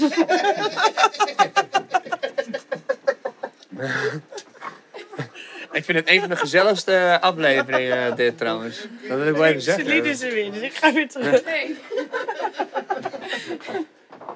Hebben we eigenlijk veel zijn er vragen vanuit eh, het publiek? Zijn er veel kijkers, jongens? Sorry, Oh, jammer. Helaas. Helaas, jongens. zit ook op Champions League. eh, Oh ja, avond, hè? Ajax vanavond. Ajax vanavond. Tan, tan, tan. Ah. Ajax Juventus, toch? Oh ja. Heb jij, heb Ja, jij... ik heb een eh, voetbalvriend, hè. Oh ja. mijn, eh, een van mijn, een van mijn eh, beste vrienden met wie ik ook een bedrijf heb, die is ook helemaal Ajax-fan. Maar ik kijk nul voetbal. Oh, jij bent echt de beste man ooit. Maar dan moet ik dus wel iedere keer als er iets gebeurd is, dan... Dat is toch altijd met verbazing dan. Ik kijk nooit voetbal, weet je. En dan komt zo, heb je het gezien? Ajax. Ik zo. Je weet dat ik... Ja, maar je moet deze actie zien. En dan op Ja, zijn ja. telefoon zo. En dan half uur scrollen. Zo. Nee, jij is niet. van- nee, dit is hem ook nog niet. Nee, dit was trouwens ook wel vet. Maar weet je wel. En dan laat hij iets zien en dan zegt zo, oké. Oké, zo'n hakje of zo, weet je wel. Oké, nice. Ja. Ja, dat was ehm Dan Dan en eh, Rolando, Rolando, Ronaldo. Wat? Jij mag roken hoor. Dus Lot wil even roken, ja, tuurlijk. Hebben we, maar hebben we vragen of niet? Nee, vast Nee, niet. geen Nee, vragen. dat kan ik niet zien. Ik weet niet hoe het werkt. Nee, hij Geen blijft. vragen. Anders had hij het wel gezegd. Nou ja, I- die breekt wel in hoor. Als, eh, of IDA is het eigenlijk. Je weet wie het is ook nog. Nee, maar jij met je spinning records, Ari, DJ. Oh man, hij is een vette baas. Ja? Ja, hij is echt de World eh, DMC Champion Scratching. Wow. Ja, had je ook niet verwacht hè? Mm, ja. Wel. ja, hij, hij hoort bij de top. Top, Wauw. top of de hip-hop Ik heb chain. gewoon een BN'er ontmoet vandaag. B, eh B-worlder. B, BW'er. Ja. Ja. Ja, dat is echt een... eh, moet je maar eens naar de eerste podcast van Beter op Papier luisteren. Dat is met hem. Oh, echt? Ja. Oh, ga ik doen. Ja, hij, komt, eh, hij heeft een leuk verhaal. Hij komt uit... ehm eh, dan zeg ik het waarschijnlijk verkeerd. Hij komt uit Brazilië. Hmm. dus daar is hij opgegroeid. En toen is hij naar Heerenveen gegaan. Dus de cultuurshock gesproken. Ja. Nou, dat kan ik me wel voorstellen. Maar goed, back naar jou. Back to me. Ja. Voetbal. That's cool. Voetbal. Nee, je trekt het ook niet. Je trekt het ook slecht. Ja, ik trek het wel echt slecht. Ja. Wat is er dan aan voetbal dat je zo slecht trekt? Ja, ik heb vroeger gevoetbald. Dat vond ik echt een stuk leuker dan dat het op televisie staat, zeg maar. Ja. Mijn vriend is echt voetbalfan. Echt. Hij heeft ook een seizoenskaart voor Cambuur en zo. Het is echt harde, dappere strijder. Ja. Maar ik weet niet, gisteren had hij ook iets opstaan even. En dan hoor ik zeg maar het geluid van voetbal zonder dat ik het aan het kijken ben. En dan is mijn eerste reactie, heb je de televisie harder gezet? Omdat het gewoon, ik ben allergisch voor het geluid. Ik vind het gewoon zo, ja, het is gewoon Ja. zo de hele tijd. Ja. Dus ja, ik weet niet, ik kan er gewoon niet zo goed tegen. Het trekt me ook niet. Ik denk ook echt van, je rennen de hele tijd achter een balletje aan. En het allerergste, ja, nu ga ik ook echt los hoor. Ja, ga, het alle, alle, allerergste vind ik echt dat ze dan er zo uitzien. Net zoals die Ronaldo met zijn geblondeerde haren en van die lijntjes geschoren in zijn... Ja, dat zijn gewoon wel dikke kampers zijn het allemaal. En allemaal botox in zijn hoofd. Dan denk ik echt van, je bent een voetballer. En ze verdienen echt veel te veel. Vind ik. Ja, het is wel echt een eh, uit de hand gelopen uh, bullrun. Ja, ik vind het gewoon niet meer... Het, voor mij is het geen sport meer of zo. Nee. als je een sportman bent of vrouw, dat, maar dat heb ik ook met bijvoorbeeld van die vrouwelijke schaatsers die dan eh, meedoen aan het WK of whatever. En die dan allemaal rode lipstiften en een plakkaat foundation op hun hoofd smeren. Dan denk ik echt van, Doen ze dat? ja, heb je dat nog nooit gezien? Nee. Die Antoinette de Jong, die heeft ook altijd best wel veel make-up op. Oh. Ja, dat heb je niet nodig inderdaad. Als je Ja, dat zweten maar ik bent in weet niet, dat is gewoon mijn idee of zo. Als ik ga sporten, dan ga, ga ik niet naar de sportschool met spullen op mijn hoofd. Nee, nee, nee. Oh ja, maar dat is bij, ik- bij mij ook hoor. Dat, eh, dat, ik ga dus niet vroeg waarom ik zo vroeg opsta. Ja, Nou, een van de redenen is dat ik dan gewoon zeven uur in de gym sta. Maar er zijn dus al mensen die inderdaad Mhm. helemaal soort van haar in de krul. Uh, ja. ja, het, valt, het, ja het, het, het valt gelukkig nog wel mee, maar in vergelijking met de rest van de dag, als ik dan eens een keertje op zaterdag of zo wat later ga. Ja, Maar inderdaad, jongen, dat je dan, je hebt, de, heb je die kluisje zo en dan loop je langs zo iemand en dan ruik je gewoon zo de doeklas. ja, Dan ja. denk je van, je bent dan, oké, deo, oké, Ja, je, maar je ja. hoeft niet toch je beste hele geurtje- parfumkast mee te nemen naar de sportschool. Ja. Ja, En ik, en ik heb ook een. eh, Oké, dan. Mijn enige rebellion dan in de sportschool is dat.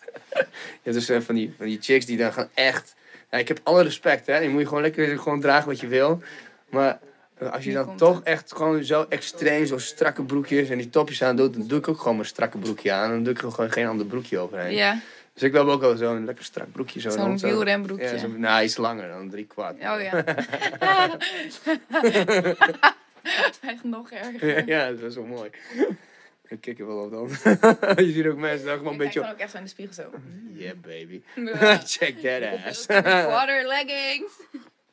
Lekker squatten zo. En dan gewoon, terwijl je squat zo naar beneden, via de spiegel zo achter, naar achter Ja. kijkt. Zo, tjoe, of Ja. mensen aan het kijken zijn. Nou, wat wel mij... Ik heb wel in, in Basic Fit gesport. Ja. Nou ja, dat is natuurlijk niet super chill, maar goed. En wat mij echt opviel is dat ik me super oncomfortabel voelde. Omdat ik gewoon na- naar de sportschool ga om te sporten. Maar constant eigenlijk ongevraagde aandacht krijg. Ja. En Moet je om zeven uur gaan, is niemand. Nou ja, ik ging meestal ook best wel vroeg. Maar niet om zeven uur, maar om acht uur of half negen of zo. Ja, dat zijn de mensen die denken dat ze vroeg gaan. Ja. dat ben jij, ja. Maar ik sta ook niet om kwart voor zes op. Moet je eens proberen. Nou ja, goed, je hebt dan natuurlijk... Nee, sorry, ik ga niet mijn eigen ding. Nee, moet je... Nee, nee oké, acht uur is prima. nee, maar goed, dat vind ik gewoon wel irritant. Maar nu, eh, ja, ik haat nu een beetje op de mensen die er goed uitzien in de sportschool. Maar wat is er eigenlijk mis aan goed uitzien in de sportschool? Ja. Ja, je moet eigenlijk het meeste respect hebben voor de mensen die er niet goed uitzien in de sportschool. En die hebben tenminste de stap gezet. Ja. Klopt. Ja. Hey, we hebben een vraag, volgens Ja, we mij. hebben Yay. een vraag, zeker. Ja, maak je klaar ook, want het gaat zo. Als je zou moeten kiezen tussen een week lang je tanden poetsen met een augurk of een week lang met een banaan, welke zou je kiezen en waarom? Van Zo. wie is deze vraag? Mogen we dat ook weten? Nee, nee, hij bleef anoniem. Nee, je mag wacht zeggen. Oh, hij mag wel. Ja, is Chris, Chris Belsma. Shout out Chris! Nee, ja. Ik zou wel dan met een banaan doen. Omdat, ja, s ochtends eet ik toch een banaan. Dus of ik het nou over mijn tanden heen ras Oh ja, fair enough. of het opeet, dat maakt niet zoveel uit, toch? Nee. Het is best wel... Chris, ja, dat is een makkelijke vraag. Je niet verwacht, hè? Ik zou sowieso voor de hoogkurk gaan. ja? Echt zo... Ik voel sowieso mijn tanden niet. Geen... Zo vroeg opstaan en dan nog je tanden niet poetsen. nee. Doe je dat dan voor de sportschool of na de sportschool? Tijdens. Ik stoker met tanden. Met zo'n klein borsteltje zo... ja. Terwijl je zo op je, op je tussen setjes door. weet je. Dan zo, Ik denk dat we moeten ophouden met deze bewegingen doen. welke deze dan? Oké. Ja, je kan wel je tanden bleken met de bananenschil. Dus als je dan toch eh, iets met je banaan wil doen in de ochtend. eh, ja. Thanks, Harry. Nou, hoe gaat dat proces dan? Oh, hoe het proces gaat. Nou, ik kan wel even voorlezen. Het staat. Even kijken hoor. Eh, begrijp het, hoe en waarom. Online bloggers en vloggers beweren dat ze met hun tanden op effectieve wijze hebben weten te bleken binnen een paar weken met alleen een bananenschil. Ze beweren dat mineralen in de bananenschil zoals kalium, magnesium en mangaan door de tanden opgenomen worden waardoor ze witter worden. Sick. Nou, eerlijk gezegd, volgens mij spreekt het echt voor zich. Je pakt gewoon die bananenschil Maar- en ja, weet ik veel. Je, Je rub it in. Ja, je rub it. Rub it in. Is het een gesponsorde post of niet? Het is eh, de wiki. influencers? Nee, geen- het is eh, gewoon een ouderwets eh, Google nog. Google. Ja, ja. het zijn influencers, toch? Eh, volgens mij heb ik dat niet gezegd, maar misschien zei ik het wel. Maar Ben ik dat- Ja, ik ben helemaal influenced in mijn hoofd. Het zit in je Instagram hoofd misschien Ja. een beetje. Ja, Nu ja. lijkt het echt alsof ik zo'n Instagram gekkie ben. Ja van je hebt een een internet Instagram gekkie. tatoeage Gram wel. Dus. Instagram tatoeage, Ja. ja. Ja, je gaat wel even je gram halen natuurlijk. ja, uh, Gram Brain. Gram Ja. brain, ja. Ik vind het een van de gezelligste podcasts tot nu toe. Ik heb nog helemaal niet zoveel gelachen de afgelopen tijd. Altijd van die serieuze gesprekken. Yes. En met Lieselot was het ook wel leuk hoor. Ja.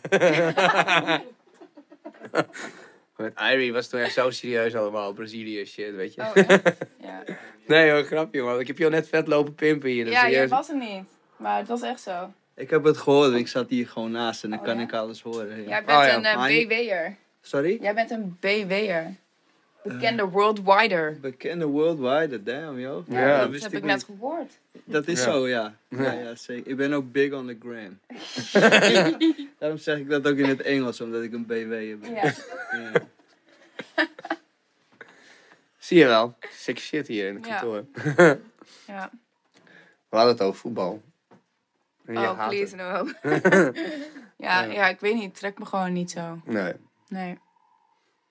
Nee Maar- dat snap ik. Het- Mijn vriend compenseert wel voor de beide, zeg maar. Hij kijkt voetbal voor twee. Ja, ja, precies. Heb je wel een favoriete sport of niet?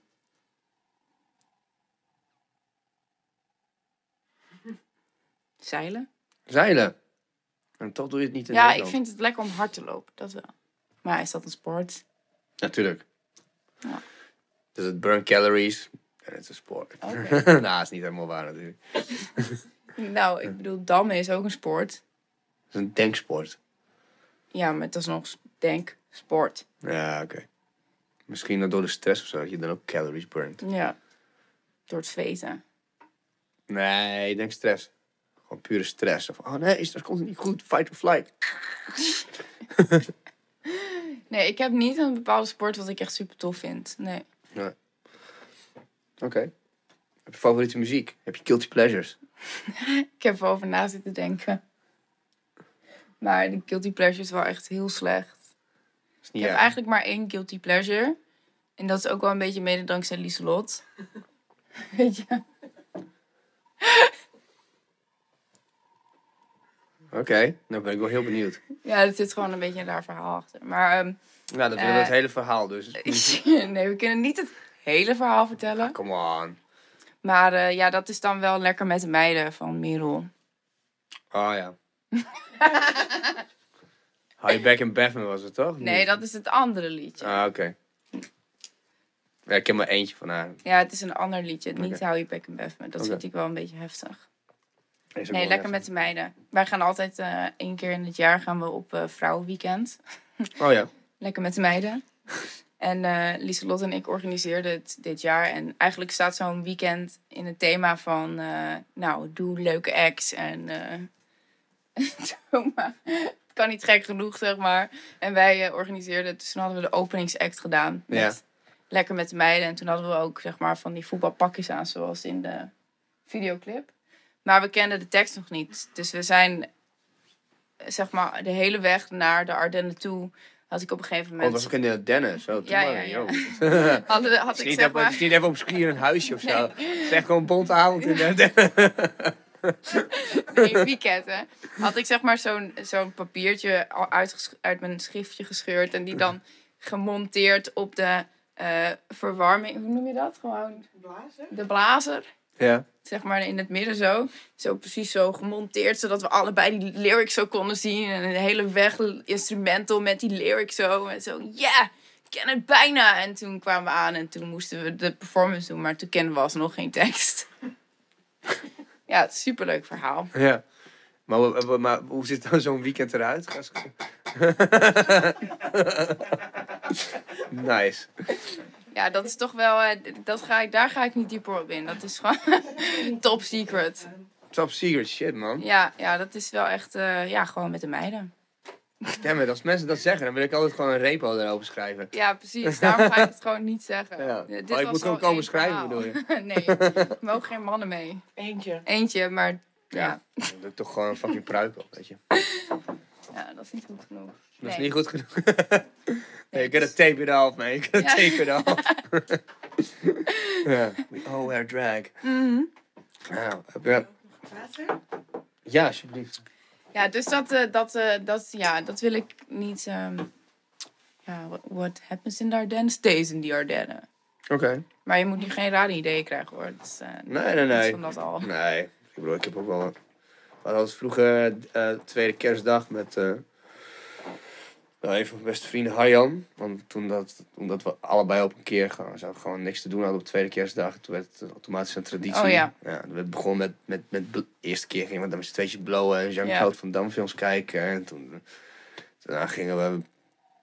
Ik veel paddo's, volgend jaar er ook paddo's eten en Jean-Claude van Damme film kijken. En op een gegeven moment werd het soort van tweede kerstdag, derde kerstdag met uitloop naar vierde kerstdag. Ja, ja, ja, ja, zo. ja, ja, ja, ja. En toen kregen we allebei een vriendin en toen, toen, toen, Toen kon, was kon, het niet meer. Tweede kerstdag met de vriendinnen. Lekker met de meiden. Lekker met de meiden.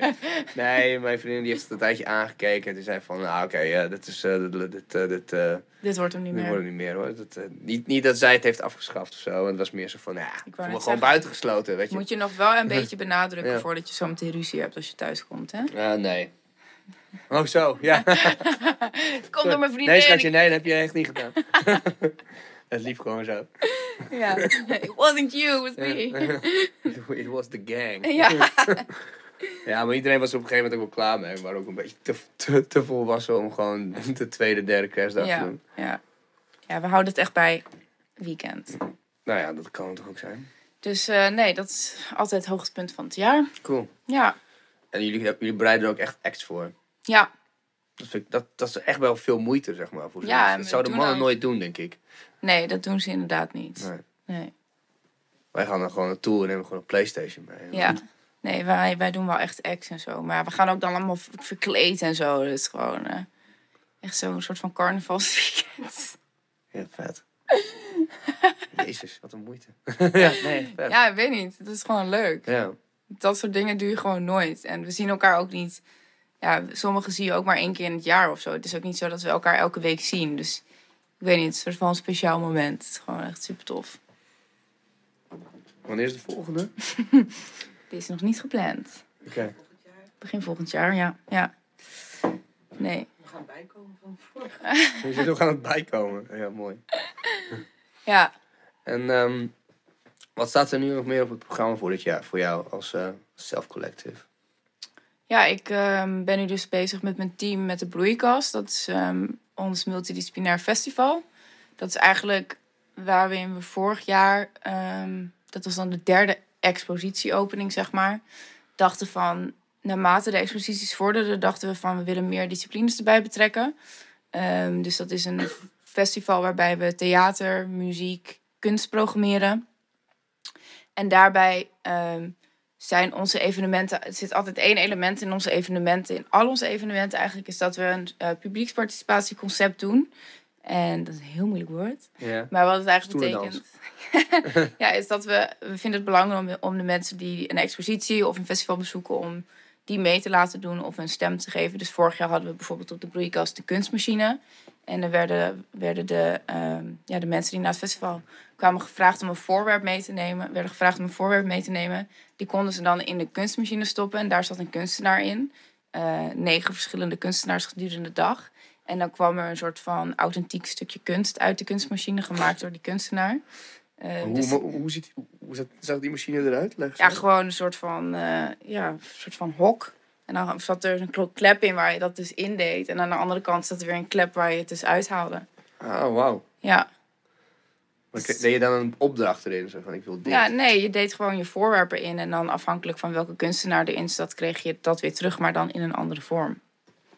Vet. Ja, Als je bijvoorbeeld een tekenaar in zet, dan krijg je het getekend. ja of een dichter, dan krijg je zeg maar hetgene wat je erin stopt, dan wordt daar een gedicht over gemaakt. Ja, wel superleuk. Ja. Ehm, dus dat is dit jaar weer. En eh, voor de tweede keer. En de muziek wordt geprogrammeerd door Asterix. En eh, ja, het is 8 juni. Dus het is een expositie. Voorstellingen spelen er. Er is een muziekprogrammering. Er is de presentatie van de Artist in Residence dus. Ja. Ehm, ja, en er is van alles gaande eigenlijk.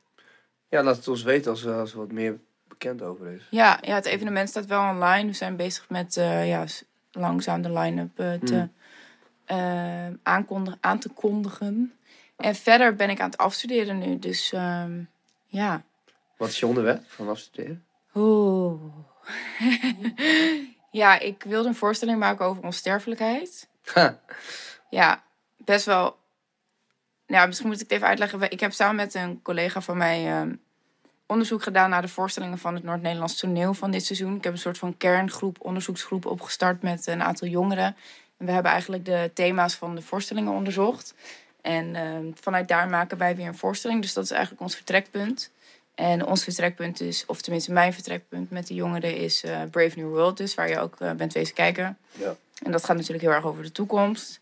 Eh, dus wilde ik eerst een voorstelling maken over onsterfelijkheid. Maar dat is zo'n breed thema. En eh, onze afstudeervoorstellingen zijn sinds dit jaar gecombineerd met onze scriptie. Dus het is scriptie en voorstelling in één, als het ware. Dus je doet echt best wel veel onderzoek van tevoren. En de uitkomsten van je scriptie is eigenlijk wat je laat zien op het toneel. Oké. Het is best wel een ingewikkeld Ja. proces.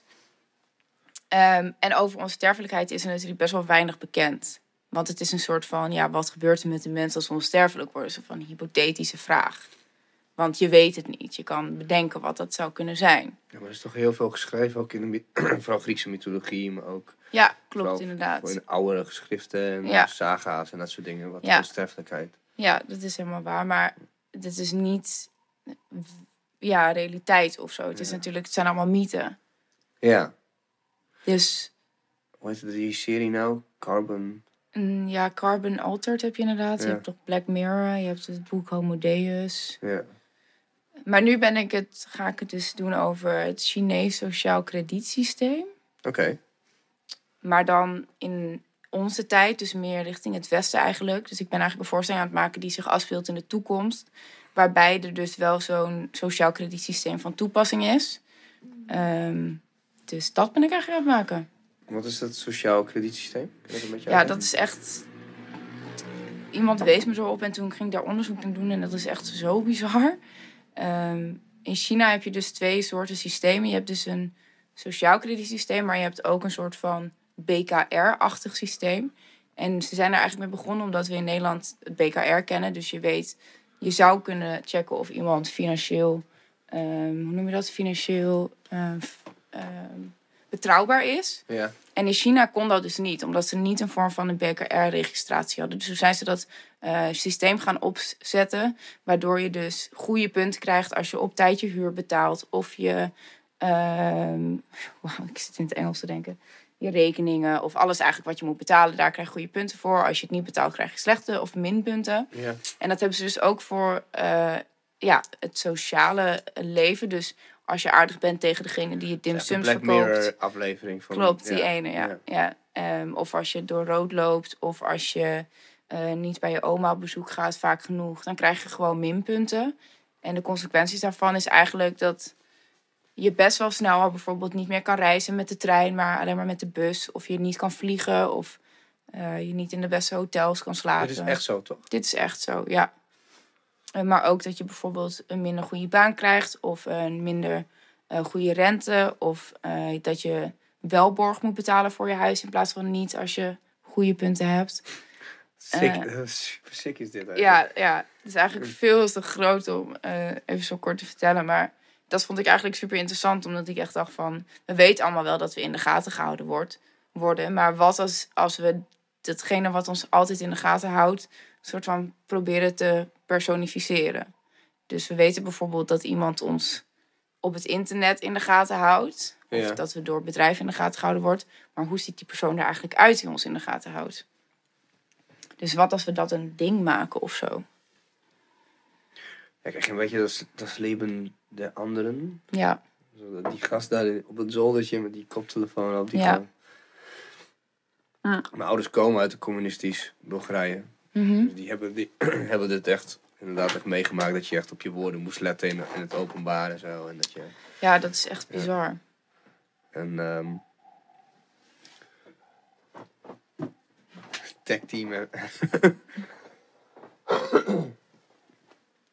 dat is echt bizar inderdaad. Maar ondertussen, ehm, wat nog bizarder is, is dat als wij het... Stel dat wij gaan het nu, nu in één keer hebben over bytes. Bytes? Bytes. Of verf. Dan krijg jij waarschijnlijk op jouw Denk je dat Instagram, krijg jij...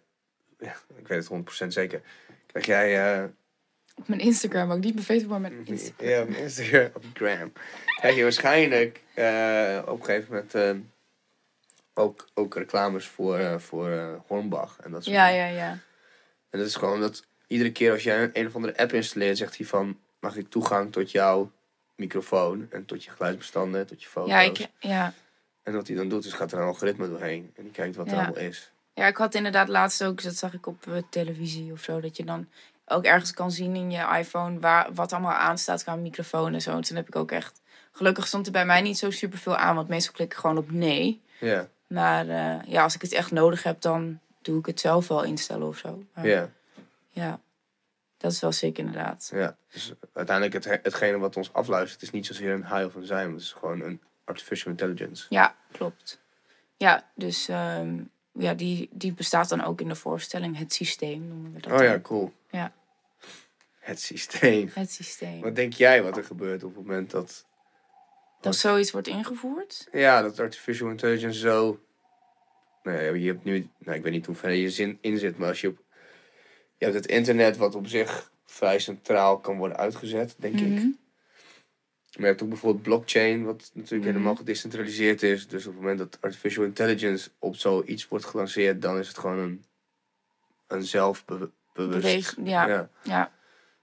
Ja, Als kunstenaar, wat, wat, wat denk je dat... nou ja, als je het wel echt hebt over inderdaad goede of slechte punten krijgen voor je gedrag, dan denk ik, dan het eerste wat ik me afvraag is, worden we dan niet allemaal heel erg hetzelfde? Want eigenlijk proberen ze door middel van de plus- en de minpunten eh, ervoor te zorgen dat jij een bepaald gedrag vertoont. Dus zouden we door middel van zo'n kredietsysteem eigenlijk ervoor kunnen zorgen dat ehm, de wereldvrede ontstaat. Ik zeg maar wat, hè. Ehm, dus ik vraag me dan altijd heel erg af van, als dat inderdaad zo is, worden we dan niet gewoon heel erg hetzelfde? Omdat we ons allemaal eigenlijk wel aan de regels te houden hebben. Want zodra je echt onder een bepaald level gaat zitten, dan kan je eigenlijk gewoon helemaal niks meer. Ja, Ehm, dus het lijkt me echt heel saai als dat zo zou zijn. dat denk ik ook. Volgens mij heeft iedereen nog een vraag of zo? Of een opmerking? Nee? Oké. Zag je wel naar het microfoon? Nee, ik zit aan de knoppen, maar dat is mijn werk hier. Want zo Ja. zit- ja, ja, nee, sorry. Geen vragen, Nee, geen komkom of eh augurk of banaan. Nee, ik op banaan. Ik hoorde het laatste eentje trouwens van onze stagiair Floor. Wat zou je... Dinsdag dilemma. Wat zou je... eh, Woensdag, hè? Is het woensdag dilemma dag? Nou, dinsdag dilemma dag. Ja, maar het is vandaag woensdag en je Ja, stelt oké, hem nu. oké, oké. Woensdag dilemma dag. Dilemma voor ja, een, een huid die aanvoelt als een kroket of een bed die stinkt naar brie. en toen daalde het na een tijdje bij mij in. Toen vond ik het allebei zo gigantisch gehoord. Ja, dat is allebei wel goed, maar ik ga toch echt wel voor een huid die voelt als een kroket. Ah, heel erg. Ja, ik, ik slaap liever in een schoon bed dan een briebed. Maar ja, als je huidje dan wel lekker zacht is, Ja. dan ga je als een soort van... Je kan- Je kan toch ergens anders slapen ook, of niet? Ja, die hack the system. Ja, maar dat is Zet gewoon nog een tweede bed neer. fucking easy. Ja, je gaat ergens anders, dan neem je een nieuw bed. fucking dumbass. Rot op met je briebed. Ja. Kijk, Hij hackt eh, de, de Tuesday or the Wednesday dilemma's. ja, precies. Ja. Dus dat ben ik aan het doen. En eh, wat ik nog meer aan het doen ben, is... ehm, op de broeikas wordt ook eh, een... ehm, ja, hoe moet ik dat zeggen? Een publication, als het ware, gepubliceerd of uitgegeven. Ik heb vorig jaar met Tandem meegedaan. Ik weet niet of je dat kent. Een soort van internationaal samenwerkingsproject. Daarvoor ben ik eh, gepartnerd met een Ierse organisatie. En zijn we, het was echt heel erg cool. We moesten eerst naar de Schelling toe. We moesten een soort van speed dates met verschillende partners. En dan moest je een soort van projectplan met diegene opstellen. En het doel daarvan is eigenlijk dat je gaat kijken naar beide organisaties. En wat zou ik van jou kunnen leren en wat zou jij van mij kunnen leren. Dus van exchange als het ware. En ehm, als je dan geselecteerd werd, dan ging je uiteindelijk naar ehm Rijeka. Dat is de Cultural Capital van 2020.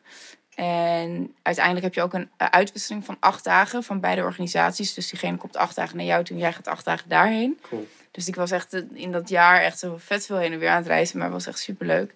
En toen uiteindelijk hebben we in Berlijn hebben we een eh, interventie op straat gedaan over, ehm, ja, eigenlijk over public space. Wat is public space en is dat jouw space of mijn space? Dat is natuurlijk wel een interessant onderwerp.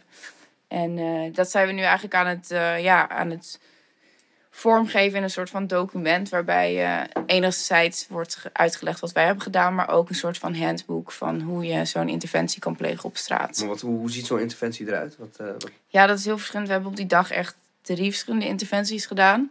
Eh, we hebben één interventie gedaan waarbij we een soort van op straat ehm, eh, ruimtes gingen afbakenen. Die zogenaamd open en closed spaces waren. Om te kijken hoe mensen daarop reageerden, zeg maar. Omdat, ja, als je hier op straat loopt, wat is mijn ruimte en wat is jouw ruimte? Ja. Eh, dus wat gebeurt er dan inderdaad als jij gewoon zegt, dit is mijn ruimte, het is niet jouw ruimte. Eh, daarnaast hebben we een soort van eh, objecten gebouwd die we mee hebben genomen op straat. En die hebben we daar ook neergezet. En dat was dan, moest een soort van huis voorstellen. Er kwam ook een man en die gooide er een hele bak met water en zeep zo overheen, omdat hij er helemaal klaar mee was. Ehm, en een andere interventie was ook nog dat we in de, eh, bij de tram, zeg maar, ondergronds in, in Berlijn, eh, gingen uitzoeken wat er gebeurt als je mensen met elkaar gaat verbinden door middel van eh, bijvoorbeeld tape. Ja, klinkt een beetje vaag, maar jij staat bijvoorbeeld daar op de tram te wachten en ik sta hier op de tram te wachten. En we hebben geen contact, maar opeens komt er iemand die jullie eigenlijk verbindt door middel van een stuk tape. En je hebt echt zoiets van, the fuck, hoe reageren mensen dan? krijg je het in je handen gedrukt? Of? Nee, het wordt letterlijk zo half op je schoen geplakt. Oké. Ja, dus je wordt wel echt verbonden, je hebt het wel echt door. Ja. Eh, dus wat gebeurt er dan als je dus mensen gaat verbinden? En het, hetgene, het idee daarachter was dat, eh, dat je best wel vaak dat bijvoorbeeld bij de bushalte staat en dat je zo'n soort van safe distance van elkaar houdt. Ja. En dat, dan sta je in de bus en de bus is echt vet vol en je zit echt zo in iemands oksel zo, Ja. opeens vet dichtbij. Terwijl dat helemaal niet raar is of zo. De afstand het voelt hetzelfde. Terwijl je daar gaat staan, maar in de bus zit je zo dichtbij. Waarom sta je dan ook... Ja, dus dat vonden we gewoon heel erg interessant. En toen gingen we dus mensen verbinden, omdat ze eh, buiten op, ehm, ja, op het station dus zo ver van elkaar afstaan. Dus wat gebeurt als je het dichter bij elkaar brengt? En heel veel men- mensen deden gewoon niks. Deden echt alsof ze je niet zagen. Dus Ja. Dat is altijd wel een dilemma waarmee ik altijd eh, zelf zit. Bijvoorbeeld, ik kan niet zo goed tegen ehm, eh, ruimtes met heel veel mensen. Ben ik ook super overprikkeld. ja. Ook vooral omdat ik dan... Ik heb gewoon ADD. En als ik gewoon één op één met jou zit, is het gewoon hyperfocus hierop. En dan is het gewoon klaar. Maar als ik gewoon heel veel mensen om me heen heb, dan is het gewoon tak, tak, tak. Ben je, heb je alles bijna Ja. in de gaten, zeg maar. Denk je. Maar ehm, ik heb bijvoorbeeld in de lift. Als je in de lift Mhm. komt en dan, en dan zit je eh, vaak met mijn vriendin loopt van naar binnen, is er iemand anders bij, dan praat zij gewoon heel demonstratief door. Ik klap meestal dicht, zeg maar. Maar als je één op één zit, het is gewoon, het is super weird dat je elkaar negeert. Want op het moment dat je juist erkent dat je er bent, dan komt er volgens mij juist de rust. Zo van, Ja, We zijn er allebei, we hoeven niet te praten. ja, Hoi, hoi. Hoi, en dan hoi. is het in één keer klaar. ja. Heel bijzonder. Anders is het een soort van... Denk hem weg. Denk Ja, hem ja, weg, ja, ja, ja, Dat is super vermoeiend. ja. En dat heb ik ook wel eens dan inderdaad als je ergens gaat staan of zo. Dat je, ja, op het moment dat je hoi zegt of zo, of, eh, of, of je maakt contact of, of een knikje, dan is de spanning ook gewoon, Mhm. Ja. gewoon klaar. En ja, dat klopt wel inderdaad. het meest bijzondere is dat als je het voor jezelf al hebt gedaan en je kijkt naar de ander, dan zie je dat iedereen dat heeft. Ja. heel veel, er zijn weinig mensen die daar heel relaxed voor staan van, ah, mij maakt je niks. Nee. nee, dat klopt. Ja, wat toen ook aan dat laatste was heel interessant, dat mensen op een gegeven moment natuurlijk in de tram gingen. En er nieuwe mensen kwamen, maar die gingen dan op precies dezelfde plekken staan als de mensen die dus weggingen. Ja. Dus het waren dan ook een soort van op dat, ja, op dat perron gingen mensen dus altijd op dezelfde plekken staan. Dat is echt heel apart. Waren het bepaalde tegeltjes of zo? Of, heb Nee. je nog een soort van onderzocht? waarom nee, dat heb ik uiteindelijk niet meer verder onderzocht. Nee. Dat is wel heel interessant. Misschien is het wel een natuurlijke... Ja, dat er bepaalde plekken zijn waar je altijd staat. Ja, of, of gewoon voor jezelf dat het buiten je visie valt, buiten Ja. je blikveld. Ja. Ja, mensen hebben natuurlijk ook een voorkeurskant. Ja. Nee, dus dat hebben we toen gedaan en daar wordt, dat wordt nog gepubliceerd. En eh, Waar wordt het gepubliceerd? op de broeikas, samen met de korte documentaire die daarover is gemaakt. Hebben jullie daar een- in de zin van gepubliceerd als boekje? Of- Als een soort van, ja, ja, een soort van artistiek iets. Ja, ja, ik ben benieuwd hoe het eruit ziet dan. Ja, het is een soort van aan de ene kant wordt het een, eh, het wordt een soort van boekje, zeg maar, wat je in, uit elkaar kan vouwen. Mhm.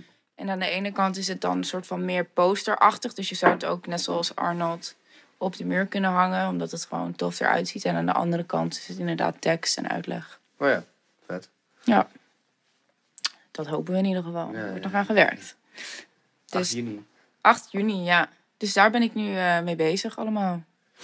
Nou, stressvol dus. Of Ja, valt het mee? op zich wel, ja. Ik, heb het wel, ik ben wel echt zo van, ik ben blij als ik zo meteen afgestudeerd ben. En dan? Wat ga je dan doen? Ja, dat is een goede vraag. Ik mag sowieso eh voorstelling maken voor ehm, NNT op Noorderzon. Oh, voor kijk, het dat is heel vet. NN2-platform. Met mijn eh, collega. In augustus is dat dan. Dus dat ga ik in augustus doen. En in juli weet ik eigenlijk nog niet. Je hebt al een klus binnen eigenlijk. Ja, klopt. Gefeliciteerd, vet. Thanks. Ja, Ja. echt superleuk. Maar ja, er zit nog wel wat tijd tussen. Maar... Ja, want ik heb altijd... eh, ik was met eh, een vriend van mij, Dion, waren we naar die voorstelling van Brave New World. Ja, En wij komen, ja, wij zijn dan, eh, als we dan met z'n tweeën zijn, zijn we dan van Cordify, weet je wel. Mhm. En hij is een van de oprichters. En, en we zitten dan heel vaak met hem op muziekdingen. De muziek, muziekwereld is toch wel ietsje Mhm. killer of zo. Van elkaar. En van een manier anders. En, eh, maar bij het theater waren we daar. en Iedereen zei gewoon, hola. Weet je wel. Zo, hey schat, hey. En dan gewoon, hè, allemaal, allemaal lekker lekker outgoing. Ja. Weet je wel, komt Guy, Guy Weisman komt er dan weer aan met zo'n lekker matje. Die Oh, hij dan ja, heeft met- laten staan. En denk ja. wat een held. ja. Weet je wel, wat gewoon jouw kapsel, zoals jij dat hebt. En dan wel met een zo'n heel klein Ja, en dan ook blond. grijs- En dan ook blond, Ja, zeg maar. Ja. En dan- Ja, wat een baas. ja, hij heeft ook altijd echt fantastische kleren aan. Ja, zo'n Shalwar of zo. Ja, ja, ja. Dragon Ball Z truien en zo, ja. Ja, eh, vet. Die- Guy, ik wil jou hier in de voorstelling. In de voorstelling. Kom Guy. In de, in de podcast. Ja, dat zou wel echt vet zijn. Ja. En, ehm, eh, maar, maar ook gewoon zo'n meisje in zo'n spacesuit had ze aan, volgens Ja. mij. Die liep er ook rond. Dus je denkt van, jezus. Die jongen zit echt... eh, zijn, we hebben toen even de discussie gehad. Zitten we nou wel of niet in het juiste veld, zeg maar? Oh, Vinden ja. we het relaxer of juist minder relaxed? Ja, en? We waren er niet over uit. We vonden het wel heel gezellig in ieder Ja. geval. Ja, aan de ene kant zijn ze heel erg outgoing, maar aan de andere kant merk ik ook wel dat ze niet altijd even outgoing zijn. Omdat, ja, als je toch wat bekender bent of in grote voorstellingen speelt, dan kan je ook wel wat terughoudend zijn of zo. Ja. Ehm, vooral voor de voorstelling, want dan zijn ze heel erg in hun eigen focus. Ja. Ja, Ja, want ik bedoel, die acteurs, de dansers van Guy en Rody in ieder geval, die waren daarna wel ja, met z'n allen lekker present in de... ja klopt inderdaad. Ja, Ja, en ook wel een aantal acteurs, maar dat is toch wel anders of zo. Ik heb toen voor Dorian, ik weet niet of je die hebt gezien. Nee, heb ik niet gezien. Ik heb toen daar de inleidingen voor gedaan in, eh, in een aantal steden in Nederland. En dan, dan eet je ook samen met de acteurs van tevoren. En dan zijn ze wel echt eten en gone. Ja. Het is gewoon focus op eh, wat ze gaan doen. En eh, ja, Ja, het lijkt me ook wel echt lastig hoor. Want als bijvoorbeeld dit, deze podcast heet niet voor niets beter op papier. Want Ja. ik ben- heeft voor mij ook, het- ik vind het best wel lastig om goed uit mijn woorden te komen. zeg Mhm. maar, terwijl ik juist op papier gewoon, beter ben. ben- ja, gewoon, ik vind zelf dat ik echt wel mooie zinnen kan maken. Ja, ja, ik niet. Ja, Nee. dus ik ben altijd wel, wel jaloers op zo'n, op zo- bijvoorbeeld een, een, een acteur dat hij dan in één keer, dan moet je dus helemaal inleven in zo'n personage. Dat je dus zo'n bepaalde, maar dat is ook wel echt heel erg lekker hoor. Dat is echt nog wel een droom van mij. Als je zou vragen wat is jouw droom, dan zou het echt... Ik zou graag actrice willen zijn. wauw, oké. Ja. Ja. En, en waarvoor dan? Ik weet niet, het is gewoon. Ik heb dat altijd echt heel erg leuk gevonden of zo. Maar het is wel iets moeilijk, zeg maar, een soort van hard job to Maintain. main, nou, nog geen eens maintain, maar het is best wel moeilijk om daar iets mee te doen uiteindelijk, heb ik het idee.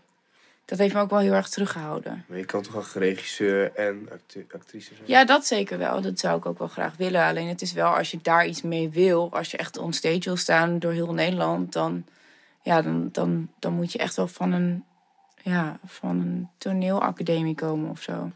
Dat is onzin. Is een dikke onzin. Nee, ja, zo, zo voelt het wel. Ja, dat is, gewoon, Als je- dat is gewoon de establishment pushing aan je, weet je? Dat Ja, nee, maar ja, dat- ja, ik weet het, Dan niet. moet je het kunnen. Of dan moet je het gewoon Tuurlijk doen. moet je het gewoon kunnen en moet je het ook gewoon doen. Maar ik weet wel dat het voor mijn idee, tenminste dat zie ik wel vaak in de wereld, in de theaterwereld ook. Dat als je een goede naam hebt en je hebt een prijs gewonnen of iemand heeft je aangeraden, dan kom je er veel sneller dan ik Mhm. met mijn docentenopleiding en ik audities gaan doen. Tuurlijk, als je gewoon doorwerkt, kom je er wel. Maar Ja. Ik heb nu ook super veel andere leuke dingen die ik doe. Dus who Ja, knows what's gonna come. Maar... Maar als dit je droom is, wat je nu zegt.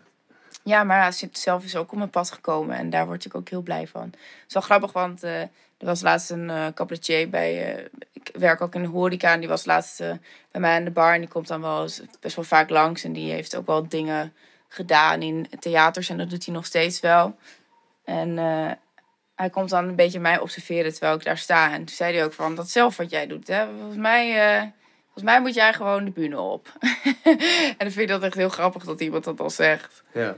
Ja. Maar, maar, dus, maar hij weet dan dat je bij het zelfcollectief zit. Klopt. Ja. Ja. Dus dat, dan, dat dan weer wel. Dat dan weer wel, maar hij had mijn column gelezen. Dus eh, Welke cabaretier is het dan? eh, Martijn. Peter Pannenkoek? Hij heeft, ook al een paar, hij heeft ook al een tijdje bij de lama's gezeten. Die kale? Ja. Niet? Ja, wel hè? Maar niet die kale met die eierhoofd. Niet de gabbertje. Die heet Ruben, toch? Ja, Ruben. ja, Ruben is heet hij. ja. Nee, dat is een andere gast. Die was, zat niet vast bij het ensemble. Oh ja, oké. heeft wel dingen met... eh, ja, hij heeft zijn eigen show gehad ook. en Zo. Dus dat vind ik dan wel heel erg grappig. Dat ik denk van, oh, zie je toch, er zit toch wel wat in of zo. Ja. Ja.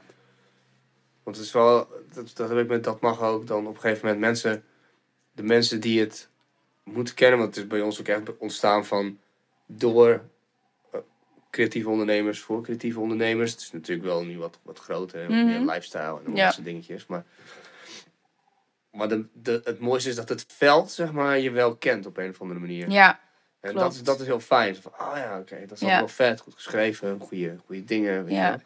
Terwijl ja, gewoon de, de commoner, zo dat is het belangrijkste eigenlijk. Ja, ja. Of tenminste, tand is ook belangrijk. Maar je wilt natuurlijk wel dat je zoveel mogelijk ja, bereik hebt ook buiten het veld. Ja, terwijl, terwijl ik juist heel veel voldoening krijg van ja, hè, maar daar doe ik het voor. Dat is, dat is mijn, that, that's my people's. Voor, voor je veld of Ja. voor je... Ja? Ja, voor het veld, voor de culturele ondernemer. de Ja, aan de ene kant, dat heb ik ook wel heel erg natuurlijk. Omdat wij daar ook wel in proberen te stimuleren. Maar ik vind ook dat het iets moet zijn voor iedereen. Tuurlijk, tuurlijk. Dus ik vind het juist heel belangrijk dat als ik een evenement organiseer... dat ik niet weer Pietje, Jantje en Klaasje zie... maar dat ik daar ook eh, Andrea zie staan bijvoorbeeld. Ja, maar dat is bij jou misschien net iets anders. Denk ik. Ja, dat zou inderdaad wel kunnen. Jullie zijn wel echt gericht op. Ja, hoe pak je je shit aan? Ja, nou vertel het me. ja, hoe je je shit aanpakt. Dat Hoe word heel- ik een BW'er? Ja, ja. dan, moet je, bij- dan moet je niet bij mij zijn. maar je moet echt sowieso hier achter alle, alle, alle regels van Arnie volgen. Ja, You trust yourself. You Life, some rules. six rules for success. Number one, trust yourself. Number two, break some rules. Number three, don't be You're afraid to fail. Number listen- four, Don't listen to the naysayers. ignore the naysayers. Number five, Work your ass off. work like hell. Number six, Give something back. whoa. Just remember, you can't climb the ladder of success with your hands in your pockets. En daarom staat hij ook in zijn, eh, zijn kleine stringetje daar. Echt die, die beenspieren. Zo, bam!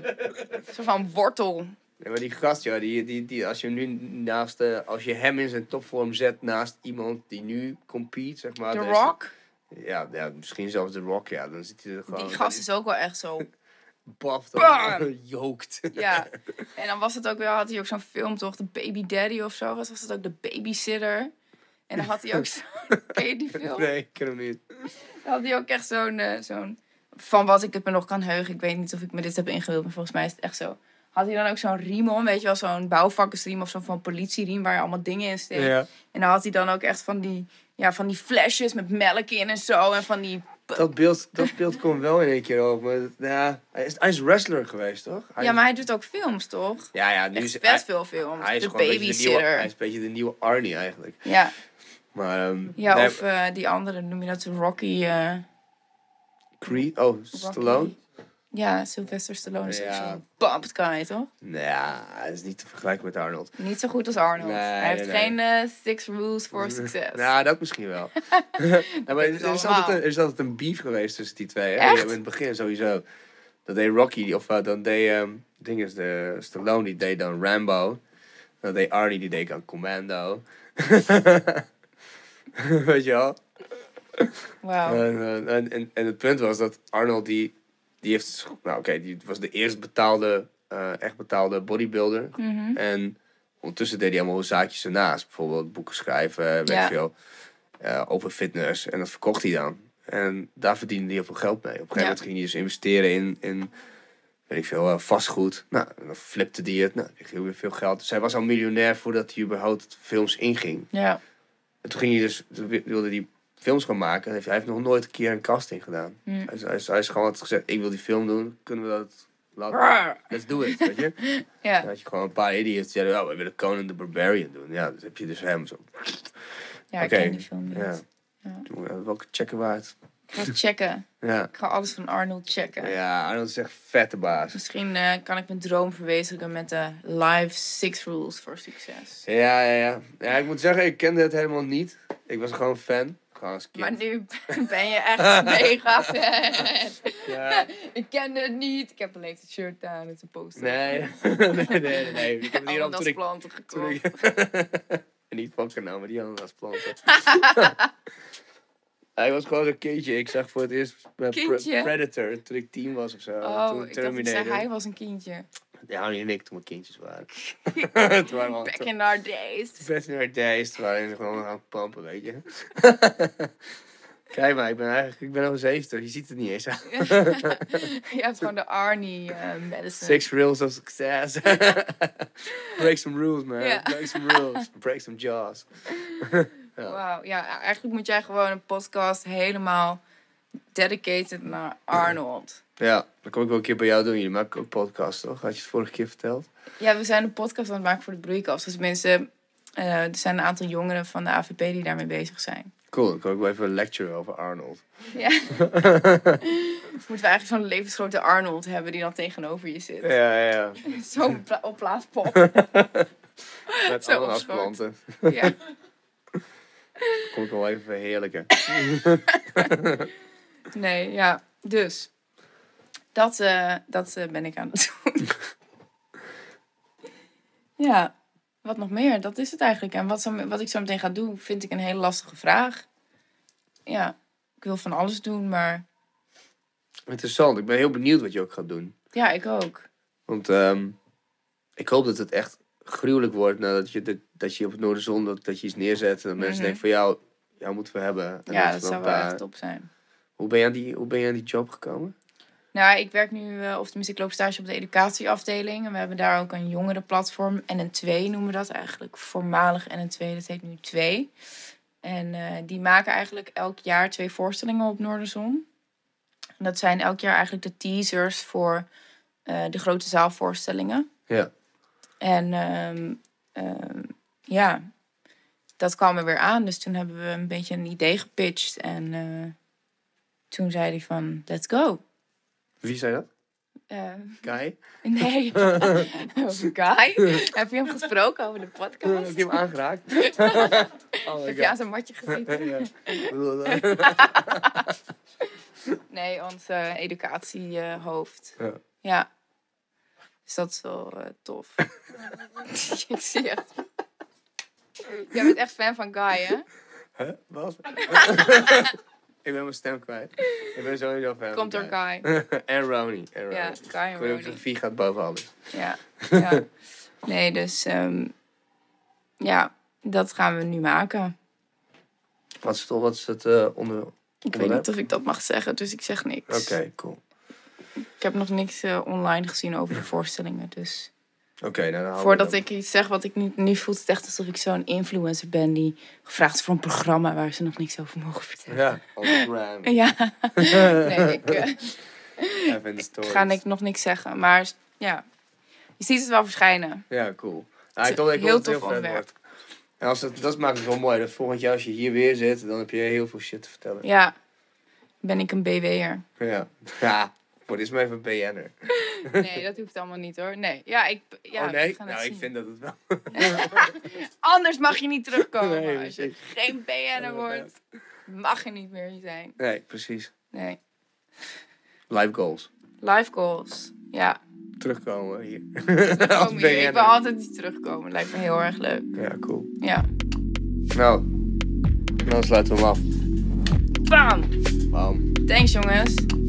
Vond het echt leuk. Thanks voor het kijken. Thanks voor de Mama. bananenvraag. Mag dat? Ja, dat mag.